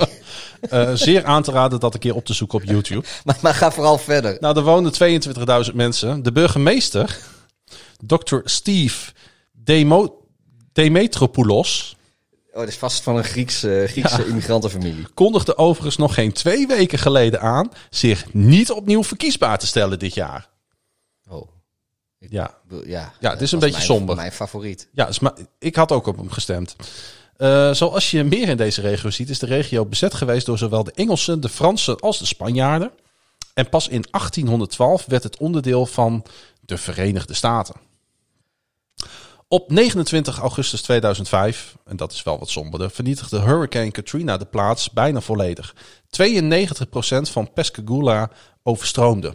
Omdat de meeste aandacht uitging naar New Orleans en eh Biloxi Gulfport, voelden de inwoners zich afgewezen en vergeten. Maar nu is natuurlijk de, vraag nog steeds: wie Is, is Sarah, Thomas? Nou, ze heeft drie kinderen gebaard. Oh, zie je er niet aan af. Eh, nee, want Thomas was namelijk de eerste vrouw die scheidsrechter was in de Major College, in een Major College voetbalgame. Ze was de eerste vrouwelijke scheids in een ballgame en de eerste zebra, vrouwelijke zebra in een Big Ten stadium. Op 8 april 2015 werd ze de eerste fulltime female official in NFL history. En dit jaar is ze onderdeel van de crew geleid door referee Sean Hakuli. Hockey. Hockey. De zoon van. De zoon van. En wat betekent dat? Dat zij eh, de laatste wedstrijd van het NFL-seizoen eh haar zebra nu aan Want. Hockley is eh, aangewezen als hoofdscheidsrechter van de Super Bowl. Ja. Dus dat betekent eh, niet eens indirect, maar direct dat Sarah Thomas de eerste vrouwelijke scheidsrechter in een Super Bowl wordt. Line judge wordt ze, geloof ik, hè? Dat weet ik niet. Ja, volgens mij wel. Ja, line judge. Ja. Ja. Dus dat, dat is de, het ding. Zij wordt de eerste Ja. vrouw in een referee crew tijdens de Super Bowl. Nou, en dat vonden wij dusdanig de moeite waard dat, eh, dat wij haar eh, de Who's That Woman van, eh, van deze week Ik vind het weer een mooi verhaal, Klaas-Jan. Dat, dat, doe je altijd weer goed. Ik ben in weinig dingen goed, maar de Who's That Man en de Who's That Woman. Woman. Sarah. Nog een hele, Thomas. wed oh, ja, sorry, nog een hele wedstrijd moeten we. Potverdikke Oh, me. jongen, dat is- dat is- Misschien even de situatie schetsen. Jij bent met de bus naar mij toe gegaan vandaag. om op Ja. te nemen. En het, is, eh, het loopt tegen kwart over acht. En jij moet om negen uur thuis zijn voor de avondklok. Ja, nou, en anders eh, krijg ik wel een werk, werkgeversverklaring van Ja, dan, moeten we Media. dat, dan moeten we dat heel snel in elkaar gaan frutselen. Want eh, ik kan het niet voor je uitprinten, want mijn inkt is op. Nee, maar ik vind ook gewoon, dat, dat zag ik ook op Twitter, dat met, die, met die werkgeversverklaringen en die dingen die je uit moet printen, en eigen verklaringen, doe je eigenlijk gewoon iedereen die jonger is dan 35, nu hoor ik daar zelf al niet meer bij die groep, maar die is dan per definitie gewoon uitgesloten van. eh, maar ik, ik, het komt wel goed, ik, eh, ik maak me geen zorgen. De Buccaneers at de Packers Staat hier wel een logeerbed. 31-26. Tom Brady gaat voor de tiende keer in zijn loopbaan een Super Bowl spelen. Maar eh, het is voor, het, de, voor het eerst dat de 43-jarige quarterback dat gaat doen in een jersey van de Tampa Bay Buccaneers. Brady en de Bucks wisten in de NFC Championship game van de number one seeded Green Bay Packers te winnen met 31-26. En daarmee zijn de Bucks ook het eerste team in de geschiedenis van de NFL dat een Super Bowl gaat spelen in eigen stadion. En dat is toch wel bijzonder. Ook wel bizar dat dat dan juist weer gebeurt in een COVID-seizoen, waardoor er Ja. uiteindelijk. eh, maar goed. Ja, Ja, dat dat, dat, geldt natuurlijk voor, eh, voor al die teams die... eh, Nee, maar ik, ja. bedoel, dit is de 55ste Super Bowl. Nog nooit heeft een team eh, in eigen stadion een Super Bowl gespeeld. Nee. En dan gebeurt het een keer. En dan is het precies in dat ene seizoen dat de stadions niet vol mogen zitten. Ja, en kunnen dat, zitten. en dat natuurlijk niet alleen, want ook de, de, de festiviteiten eromheen Ja, en in de stad. precies. Ja, die kunnen eigenlijk ook allemaal geen doorgang Nee. vinden. Maar er goed, mogen wel volgens mij 15.000 gevaccineerde zorgmedewerkers aanwezig zijn. ja, mooi is dat, hè? Dat vind ik dan wel weer tof. Dat vind ik ook mooi. Eh, Tom Brady realiseerde het zich toen hij afgelopen zondag het veld afliep. Ik weet niet of je dat gehoord hebt. En naar zijn teamgenoot Devin White schreeuwde... D. White, where we going? We're going home. Ja, en dat is voor het eerst dus in de geschiedenis dat Ja. een quarterback dat kan zeggen over een Super Bowl gang. Nou, ja, weet je, ik, ik moet wel eerlijk zeggen dat als er één quarterback is die ongeacht waar die gespeeld wordt eh, eh, van een Super Bowl kan zeggen dat het zijn thuis is, Mhm. is dat Tom Brady wel met, met nu zijn tiende Super Bowl. Het, het is gewoon, hij woont, het is een soort woonwagenbewoner, want het is niet een vaste plek waar hij is, maar hij eh, reist gewoon Hij waar de woont- Super Bowl gaat. Hij woont in de Lombardi Trophy, zou je bijna Ja. kunnen zeggen. Ja. Maar goed, eh, de rest van de NFL niet. En ik wou eigenlijk ehm, iemand, eh, iemand, iemand uitlichten. En dat is namelijk de coach, Bruce Arians. Want ik dacht van, dat vind ik, ik vind het voor hem ook wel heel tof. Ik ben altijd al wel fan van Arians geweest. Ehm, hij zei, toen ik de Hellas Trophy vasthield, realiseerde ik mij het pas echt. We gaan het doen. We kunnen dromen over de Super Bowl vanuit ons eigen stadion. Ja, en hij heeft wel ook gezegd dat hij staat nog niet echt te springen om tegen Mahomes, Kelsey en Tyreek Hill te spelen. Dat heeft hij ook gezegd. Ik kan me er wel iets bij voorstellen. Ja. Maar eh, ja, Aan de andere kant maakte hij ook een hele mooie opmerking eh, na de wedstrijd. Hij zette de reporters even op het verkeerde been door te zeggen dat het bereiken van de Super Bowl nooit het doel is geweest van hem en zijn team. En toen keek iedereen hem heel raar aan. Zei hij: eh, het winnen van de Super Bowl. Dat is wel altijd ons we gemeenschappelijk zijn er nog niet. Ja, dus dat vond ik eigenlijk ook wel weer grappig. Hij Ja. bedoelde het ook een beetje grappig. Maar Arians, ehm, eh, die wordt de op één oudste coach die een Super Bowl bereikt. Met een leeftijd van 68 jaar en 127 dagen. Was eh, John Fox de oudste? Nee, zijn naam viel al even. Marv eh, Levi, de coach van de Buffalo Bills in de jaren 90. Ah, ja, oké. Die eh, al die Super Bowl losses heeft meegemaakt. Ja, nu zie, ja, John Fox is natuurlijk een beetje een zetje op verkeerde been. Want die man die ziet er al twintig jaar uit alsof hij 80 is. Maar dat valt wel mee. Ja, Ja, klopt. Eh Tampa Bay speelde. ehm, ja, Tampa Bay had voor dit seizoen, dat wou ik zeggen. natuurlijk ook te maken met zo'n lange play-off droogte van 13 jaar. Had al bijna twee decennia lang geen postseason wedstrijd meer gewonnen. En dat vond ik wel grappig, want ik zat na te denken. Ik denk, ja, bijna twee decennia lang geen postseason volgens mij is wedstrijd de dag dat wij dit opnemen, is het precies 18 jaar geleden dat ze Super Ja. Wonnen. En het is ook ongeveer precies 18 jaar geleden dat die heerschappij van Brady bij de Patriots begon. Dus kun je je voorstellen hoe, ja, weet Ja. je, ik, ik kan al nauwelijks 18 jaar van mijn leven overzien. Ik weet niet, ik heb geen flauw idee wat ik 18 jaar geleden deed. Nee, precies. Dus dat vind ik echt wel. Dit, weet je, dit is in alle opzichten is dit zo'n bijzondere playoff geweest. eh, Ja, weet je, met ik met, vind met het- de Browns en de Bills en, en nu Ja. de Bucks. Maar ik vind het ook gewoon mooi dat Tom Brady weg is bij de Patriots. Want eh, nu kun je ook gewoon van een, een, een legende, een levende legende als Tom Brady, kun je ook gewoon waarderen wat hij doet. Ja. Want eh, met alle respect voor wat, wat Brady en Belichick en de Patriots hebben neergezet, het begint gewoon te vervelen. Het, het verveelt gewoon. Wat we net zeggen, weet je, van de laatste 20 Super Bowls heeft hij er eh, negen met de Patriots gespeeld. En eh, Maar bijna. En, en, dus dat, dat, weet je, ik wil het eigenlijk nog wel wat aandikken, want hij heeft het gedaan in een seizoen waar hij, waar hij geen offseason had om een goede relatie op te bouwen met Arians en zijn offensive coordinator Byron nieuw playbook Leftwich. leren. Geen preseason om het playbook te testen. Geen preseason om de kinken uit de kabel te halen. COVID-19 dat überhaupt een grote weerslag heeft. Zeker wanneer je opeens aan de andere kant van het land je werk moet gaan doen. Ja.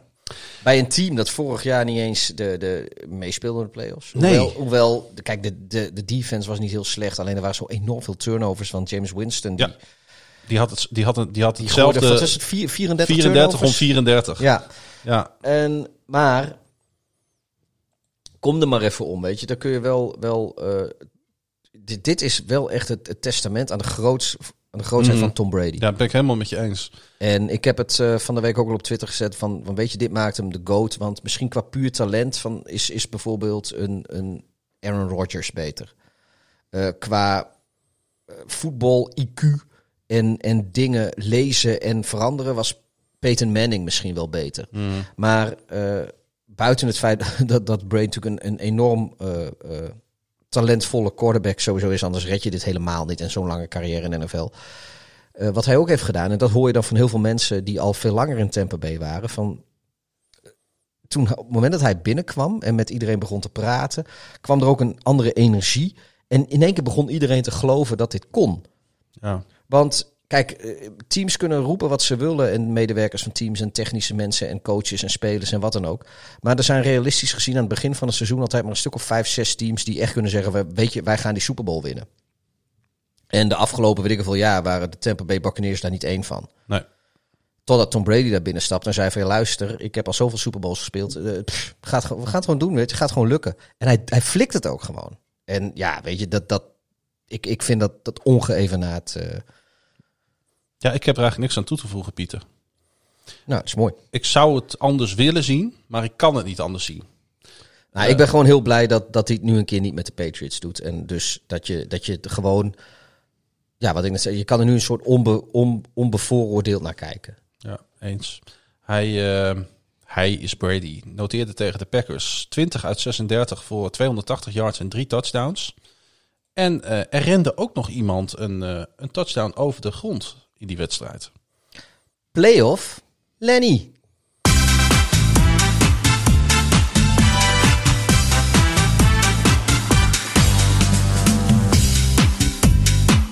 Is de biertopper Van de week, week, week, week. Pa. Leonard eh Fournette. En het was eigenlijk een beetje op jou een voordracht van jou. Ja, eh, Dus leg uit, Pieter, waarom eh, is Fournette de biertopper van de week? nou eigenlijk was, hij- was hij al afgedankt als NFL-speler. Toen heeft hij een regulier seizoen gedraaid. eh, eh, wa- wa- waar je ook niet trots op hoeft te zijn. Of wat eigenlijk gewoon geen rol van betekenis. Nou, het was überhaupt de vraag of hij na zijn, ik dacht zijn Jaguars-periode, of Ja, en- überhaupt nog ergens aan de bak zou komen. Hè? Ja, volgens mij heeft hij, heeft hij, nu we het over aan de bak hebben, heeft hij niet eh, qua bak zit, heeft hij ook niet wat aanvaringen gehad met, met, met de sterke arm? Ik, is dat zo? Ja, het zou kunnen Ja, hoor. ik begin in één keer, eh, joh, ja jongens, mensen, dit, dit is echt de slechtst voorbereide show die we ooit hebben gehad. eh. ja, Maar het is awesome. Volgens mij heeft hij wel wat problemen gehad eh, tussendoor. Maar goed, de play-offs beginnen en in één keer doet hij weer mee. Hij heeft vooral volgens mij veel blessureleed toch wel gehad, ook bij de Jacksonville Jaguars. Dat was wel een groot issue. En hij is toch wel heel belangrijk geworden in deze playoffs voor, eh, voor Tom Brady. Een beetje een go-to, hè? Is hij, is hij geworden voor, eh, voor Brady. Nou ja, hij, hij doet. ehm, ja, weet je, hij, hij brengt toch net dat extra omf in, Ja. die, in die running game. Waardoor eh, eh, je met de play-action en, en. Het is toch wel knap dat, dat zo'n speler weer opnieuw het heilige vuur zeg maar, terugvindt in, in zijn carrière. Dat is misschien ook een stukje inspiratie wat je van eh, een Tom Brady krijgt. Ik, Het- ik kan me toch echt voorstellen dat het anders is om met Tom Brady te spelen dan met eh, Blake Bortles. Ja, dat, die stelling durf ik ook wel aan. Ja, nee, maar weet je, ja, als, als je dan als je je lichaam op het spel gaat zetten, door het, door het vuur moet gaan, wat dan ook. Ja, En toch ging het naar rust allemaal net even weer wat minder voor de Buccaneers. En ook voor Tom Brady. Ja. Geert-Jan die, eh, die vraagt ook aan ons... hoe verklaren jullie de terugval van Tom Terrific in de tweede helft? Kreeg hij heel Petenesk last van de kou? Raakte zijn O-line moe? Of hadden de Green Bay Rushers er een tandje bij gezet? Ik denk eh, een combinatie van, van alles. Misschien de kou weet ik niet hoor. Want eh, Brady die heeft natuurlijk in zijn New England tijd eh, regelmatig thuis in eh, behoorlijk koude omstandigheden playoff wedstrijden gespeeld. Hij is Ja. Hij is het gewend om bij de Bills en de ja maar hij, hij heeft natuurlijk ook in, in december in New York gespeeld. En hij heeft een, een, een sneeuw, ik weet sowieso een dikke vette sneeuwwedstrijd in Chicago gespeeld. Waar hij Mhm. ook gewoon heel weinig moeite had met de toen nog best wel heel goede Bears defense. 2010 of zo was dat geloof ik. Nee, weet je, dat... dat Kijk, Tom Brady wordt niet, wordt niet anders van die koude Lambo. Die heeft Nee. zoiets van, joh, van... eh, Nou, weet je wat het gewoon is? Maar, Ik- ik maar hij denk- is inderdaad wel wat ouder. hij is wat ouder, maar hij speelt ook tegen een verrekt goede tegenstander. Ja, Kom op zeg. Het is niet zo dat de Packers dachten, nou, eh, die hebben in de rust ook iets tegen elkaar gezegd natuurlijk. Weet je, die- en, die- ja, ja. en, en ondanks dat de Packers het natuurlijk best wel moeilijk hebben gehad, ehm, ehm, eh, had, had eh, Brady het even niet naar rust. En Rodgers wel. Nee, dat klopt. Rodgers die... eh, kijk, de, de, de, de Buccaneers maakten direct na rust nog een touchdown. Dat was goed. Want volgens mij was er ook direct een, een turnover direct na rust, volgens mij. Of, ik, ik weet niet of, dat, dat, of, of een stop, een three and out, ik weet het niet. Maar in ieder geval, de, de- het leek nog even dat de Bucks vol het momentum pakten. En ja, uiteindelijk geven dat op. En ja, weet je, Tom Brady is volgens mij de eerste quarterback in misschien wel ooit die drie intercepties gooit in de tweede helft en toch een wedstrijd wint. Ja. Ehm, Ook niet op de minste trouwens. Hè? En twee op cornerback, Jer Alexander. ja, die dit seizoen een, van, vaker, de, een van de eh, betere, misschien wel de beste quarterback in de league. Cornerback in de league is. En natuurlijk één op eh, safety Adrian Amos, die eigenlijk, eh, denk ik op papier, de derde safety is daar bij het team. Nou, hij is wel het, voor zijn contract mag ik hopen dat hij de tweede is. Eh, maar die speelt ook een goed seizoen, hè? Die weet waar hij vandaan komt. Ja, ja, ja. Nee, die heeft het, eh, die heeft het geleerd bij de, bij de beste. Nee, maar En, en wat weer opviel in deze wedstrijd, het maakt, en eh, in die zin eh, de opmerking die eerder door Frank gemaakt werd, klopt wel een beetje. Het maakt voor Rodgers nooit zoveel uit wie er staat. Want hij gooit dan ook gewoon weer een touchdown op die eh, Robert Tonjan. Nou, is ook niet een, een, een veel scoorder natuurlijk Nee. in de NFL. Later natuurlijk ook weer een op Davante Adams. Maar hij kan iedereen vinden. ja, nee, dat is, dat is waar. Ja. Het, eh, ja, er was natuurlijk wel dat weer zo'n moment in deze wedstrijd. eh, waarop de Packers hadden kunnen toeslaan. Met een achterstand van acht punten. En met de bal op de Tampa Base 8 yard line, 8 yard line. En een fourth and goal situatie.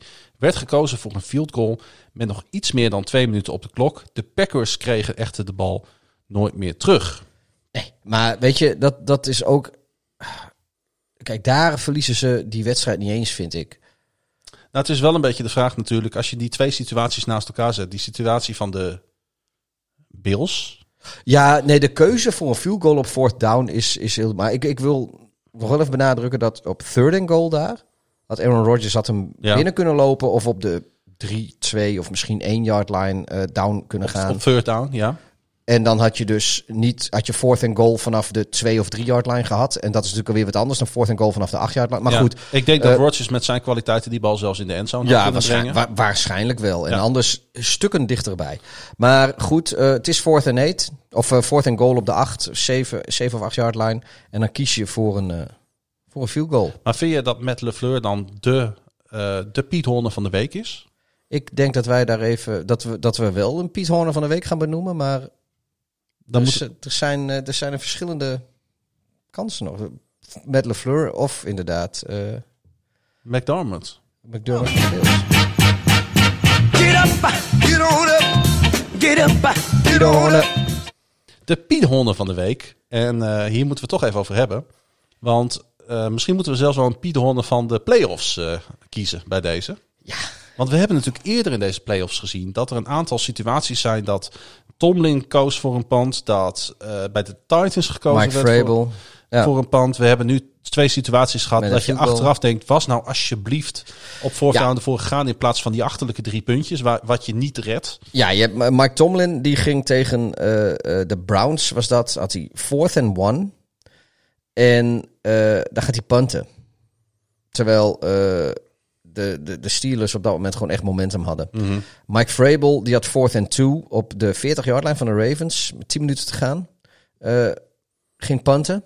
Ja, het is echt heel slecht. Nou ja, Matt dan zei hij, die kickte field goal op eh, eh, fourth and goal van de 8-yard Eh, terwijl je Aaron Rodgers als quarterback hebt. En er is, staat 2 minuten 13 stond er geloof ik op de klok, weet je. Je hebt ook al je timeouts. Ja, eh, en je geeft de bal terug aan Mr. Two Minute.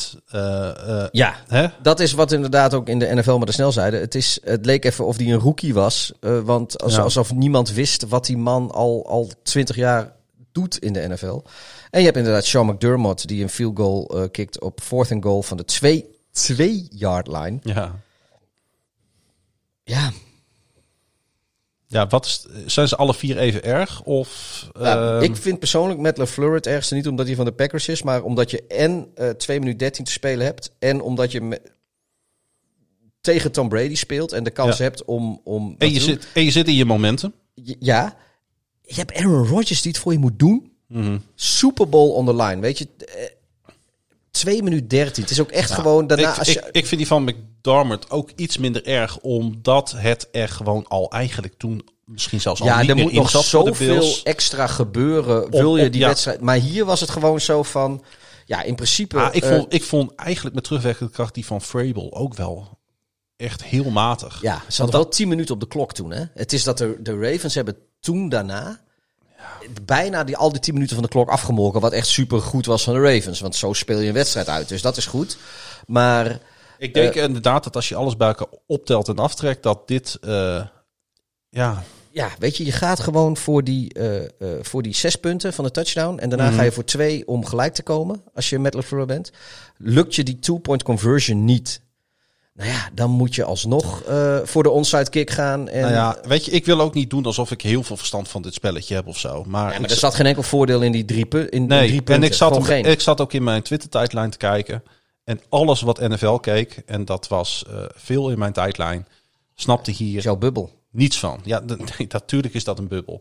Maar als, Ja, nee, ook de mijne. als bij wijze van spreken van de 30 mensen waar iets van heeft, 30 mensen vinden dat het niet oké is, dan denk ik, dan Ja. zal er een kern van waarheid Nee, in dat zitten. klopt. Er zit iedereen die... eh, want kijk, ik heb natuurlijk best veel mensen in mijn Twitterbubbel... die niet zo'n extreem gepassioneerd zijn eh, Mhm. qua liefde voor de Packers. Die vonden het schitterend. Ja, Maar ik had ook een heel groot deel, die vonden het verschrikkelijk. ja. En, eh, maar iedereen was er wel over eens dat het onbegrijpelijk was. precies. Dus wat mij betreft is eh eh LaFleur, met LaFleur is de Horner Honne van de week. En de Piet Honne eigenlijk van de playoffs zelfs. Ja, Brady kan nu iets doen wat zijn eh, boyhood idol Joe Montana niet voor elkaar kreeg. Namelijk go all the way met een nieuw team in zijn eerste jaar. Montana kwam erg dichtbij toen hij de Kansas City Chiefs naar de AFC Championship game van 1993 leidde. Maar daarin met 30-13 van de Bills verloor. Want eh, Ja. dat is zijn grote voorbeeld. ja. En wel grappig dat hij ook eh, zo dichtbij kwam in zijn eerste jaar bij een nieuw team. De afgelopen weken werd trouwens Raymond James Stadium al omgetoverd tot het stadion van de Super Bowl van 7 februari. Alle Buccaneers logo's die werden zoveel mogelijk bedekt met het logo van de Super Bowl en de Lombardi Trophy. Maar de werklui wisten het voor elkaar te krijgen één paneel aan de buitenkant intact te houden. Dat is namelijk de beeltenis van Tom Brady en Mike Evans. Nou, dat is toch mooi. Dat vond ik, eh, vond ik dan wel gaaf. Hebben ze bewust hebben ze dat gedaan en hebben ze een beetje vals gespeeld. En dan blijft nu natuurlijk nog de laatste vraag over eigenlijk. eh, als we het hebben over dit weekend. Wat moeten we met Aaron Rodgers en wat moet vooral Aaron Rodgers met zichzelf? Een contractsituatie, bedoel je? Ja. gewoon, ja. Weet Hij je? sta- hij- laten we het even schetsen trouwens. Eh, zijn, eh, hij staat onder contract tot en met het seizoen 2023. Ja, en loopt nog eh, twee, twee jaar door inderdaad. Ja, gefundeerd door een contractverlenging getekend in 2018 ter waarde van 134 miljoen dollar. Ehm, Het, vanda ja, vandaag schijnt hij gezegd te hebben dat, dat hij eigenlijk dat contract wel open wil breken en opnieuw Ja. wil onderhandelen. Eh, hij heeft direct naar de wedstrijd heeft hij gezegd van, joh, ik weet niet of mijn toekomst in Green Bay ligt. Nou, Eh. Lafleur was trouwens daar wel heel duidelijk over, hè? Dat dat wel zo was. Nou ja, nou gaat natuurlijk Lafleur er uiteindelijk niet over, maar is de GM, hoe heet die beste man ook alweer? kunst. Ja, Goedkunst inderdaad. Brian Goedkunst. Goed, goed, goede, goede kunst. Goede kunst. Zegt een, een Deutsche, ja. Dat is de, Bra- de Brian Goede kunst. Oké, waanzinnige naam. Eh, maar Lafleur was er heel duidelijk over. Die zei, die zei, ik hoop gewoon dat hij bij ons blijft. De man is de MVP van deze league. He is the heart and soul of our football team. So hell yeah, he better be back here.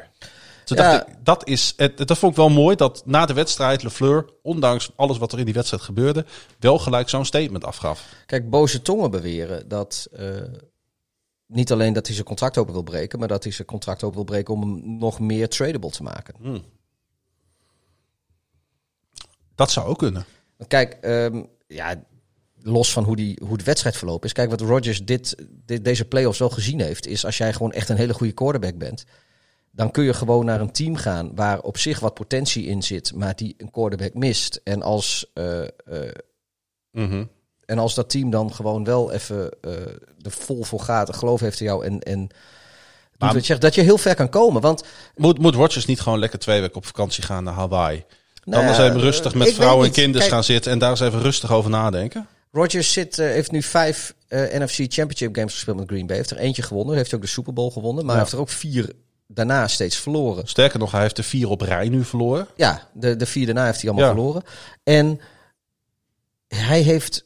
Kijk, hij is natuurlijk wel een beetje geschoffeerd in de afgelopen draft. Want hij wilde graag wat, eh, wat aanvallende wapens hebben als wide receiver voornamelijk. En waar kozen ze als eerste voor? En, en, en in de eerste ronde pakken ze niet alleen een quarterback, wat gewoon zijn positie is, maar ze traden zelfs up voor die quarterback. Ja. Tweede, tweede pick is een running back.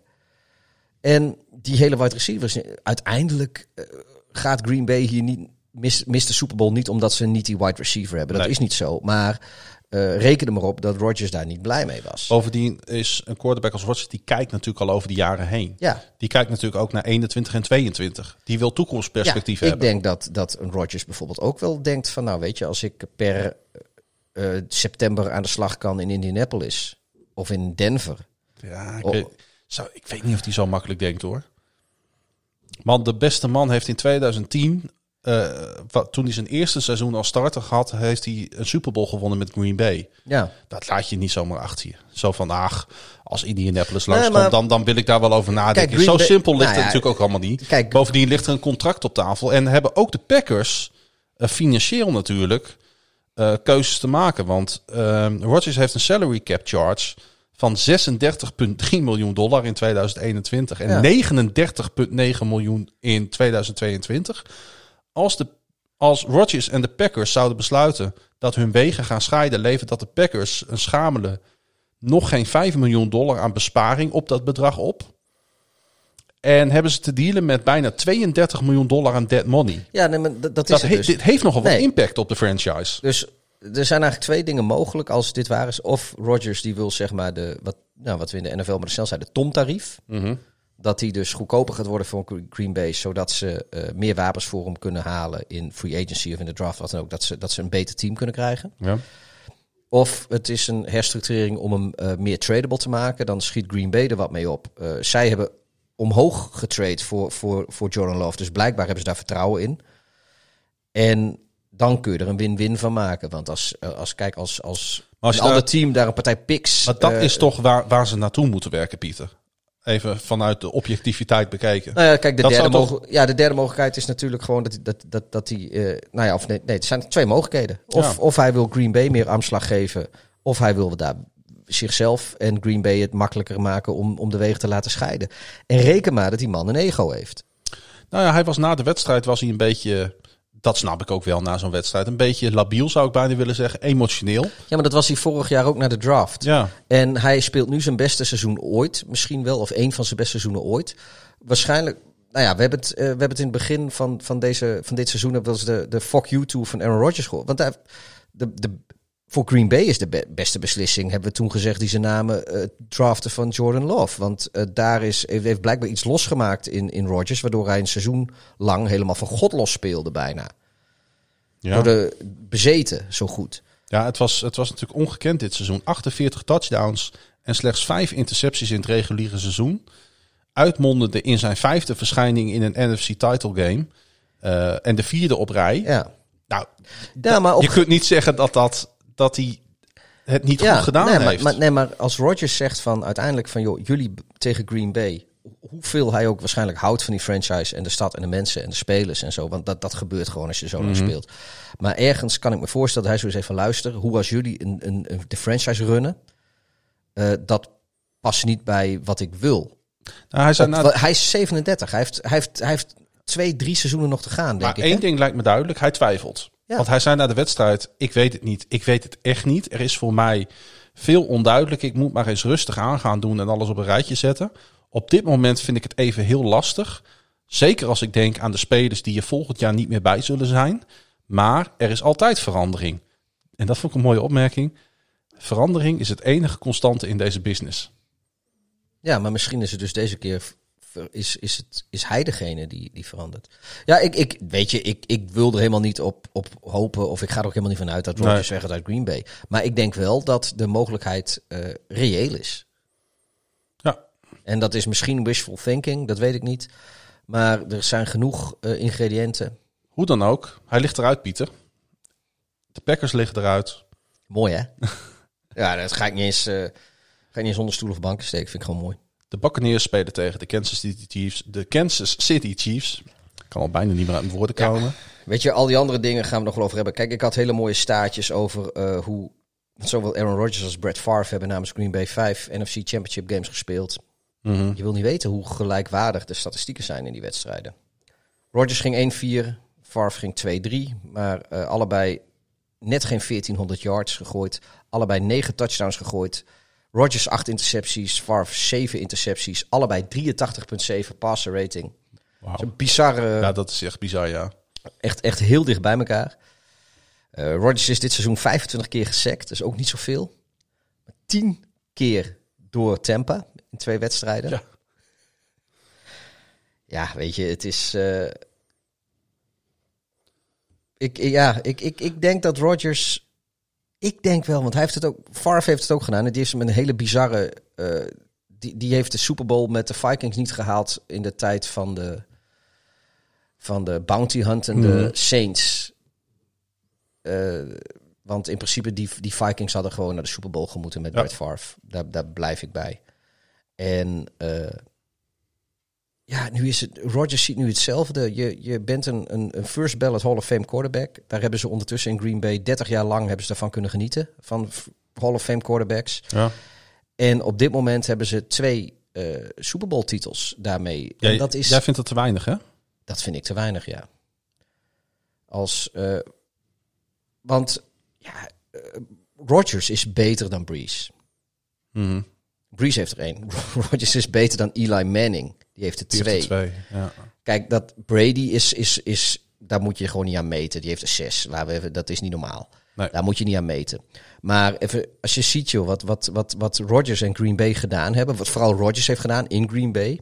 Maar ook Brett Favre wel. Maar Brett Favre tenminste twee Super Bowls gehaald. Heeft er één verloren. Ja, goed, dat kan. Ja. Eh, maar Aaron Rodgers heeft vier Ja, NFC Championship games op rij verloren. Oh, grappig dat inderdaad een quarterback als Aaron Rodgers gewoon net zoveel Super Bowls heeft als Joe Flacco. Ja. Eh, hij, heeft, hij heeft net zoveel NFC Championship games als... als eh, Maar we moeten natuurlijk niet doen alsof die NFC kampioenschappen niks betekenen. Natuurlijk gaat het om de hoofdprijs. ja, maar daar heeft hij er ook maar één van.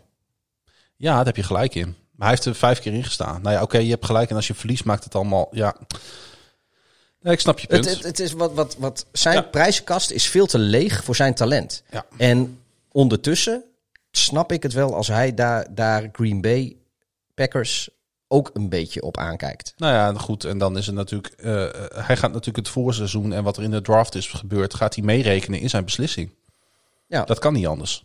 Hey, ehm, wou ik nog hebben over die quarterback carousel? Zeg je van, nou, we breiden er een eind aan en dan gaan we het een andere keer over We hebben nog een heel lange offseason. Precies. We breiden er een eind aan. Ik ga kijken. Ja, We gaan niet voorspellen, want eh, dat gaan we natuurlijk doen in de uitzending van volgende week. Ja. Gaan we even een, eh, ik denk een wat korte podcast opnemen over de, over de Super Bowl, de aanstaande Super Bowl. ja.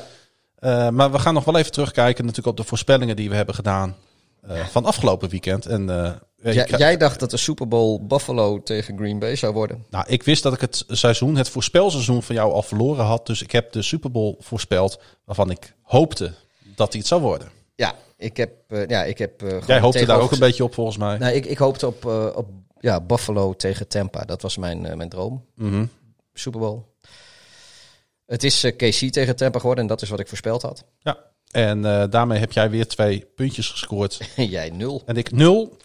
En, en rest ons nog één wedstrijd. Na al die wedstrijden die we, die we hebben besproken. Als, als even, hè, volgende keer als we gaan kijken hoe de Super Bowl is gespeeld. Dan gaan we het daarover hebben. Zitten we in de euforie van de finale der finales. Lekker, ja, en, en, en lekker maar één, één wedstrijd Als je voorbereiden. nou een beetje terugkijkt, Pieter, op, eh, op hoe we dit hebben aangepakt. Wij zijn deze podcast maar gewoon begonnen omdat wij dachten van... Wij vinden dit leuk. We denken dat we het misschien kunnen. Eh, we hebben de apparatuur van KVM Media tot onze beschikking. En we hebben nou- verder geen hobby's, dus Nee, en als je nou een beetje terugkijkt eh, in, in deze coronatijd, heb je er een beetje plezier in gehad? Ja, het heeft voor mij het NFL-seizoen wel een stuk leuker gemaakt. Ja. Ik moet zeggen, ik heb ook vooral veel geleerd toch wel dit jaar. Ja, we hebben het de vorige, volgens mij was het vorige of twee weken geleden in de uitzending ook gezegd. Je let in één keer op dingen waar je normaal niet zo op let. Ja. Het is een beetje als, als fantasy voetbal.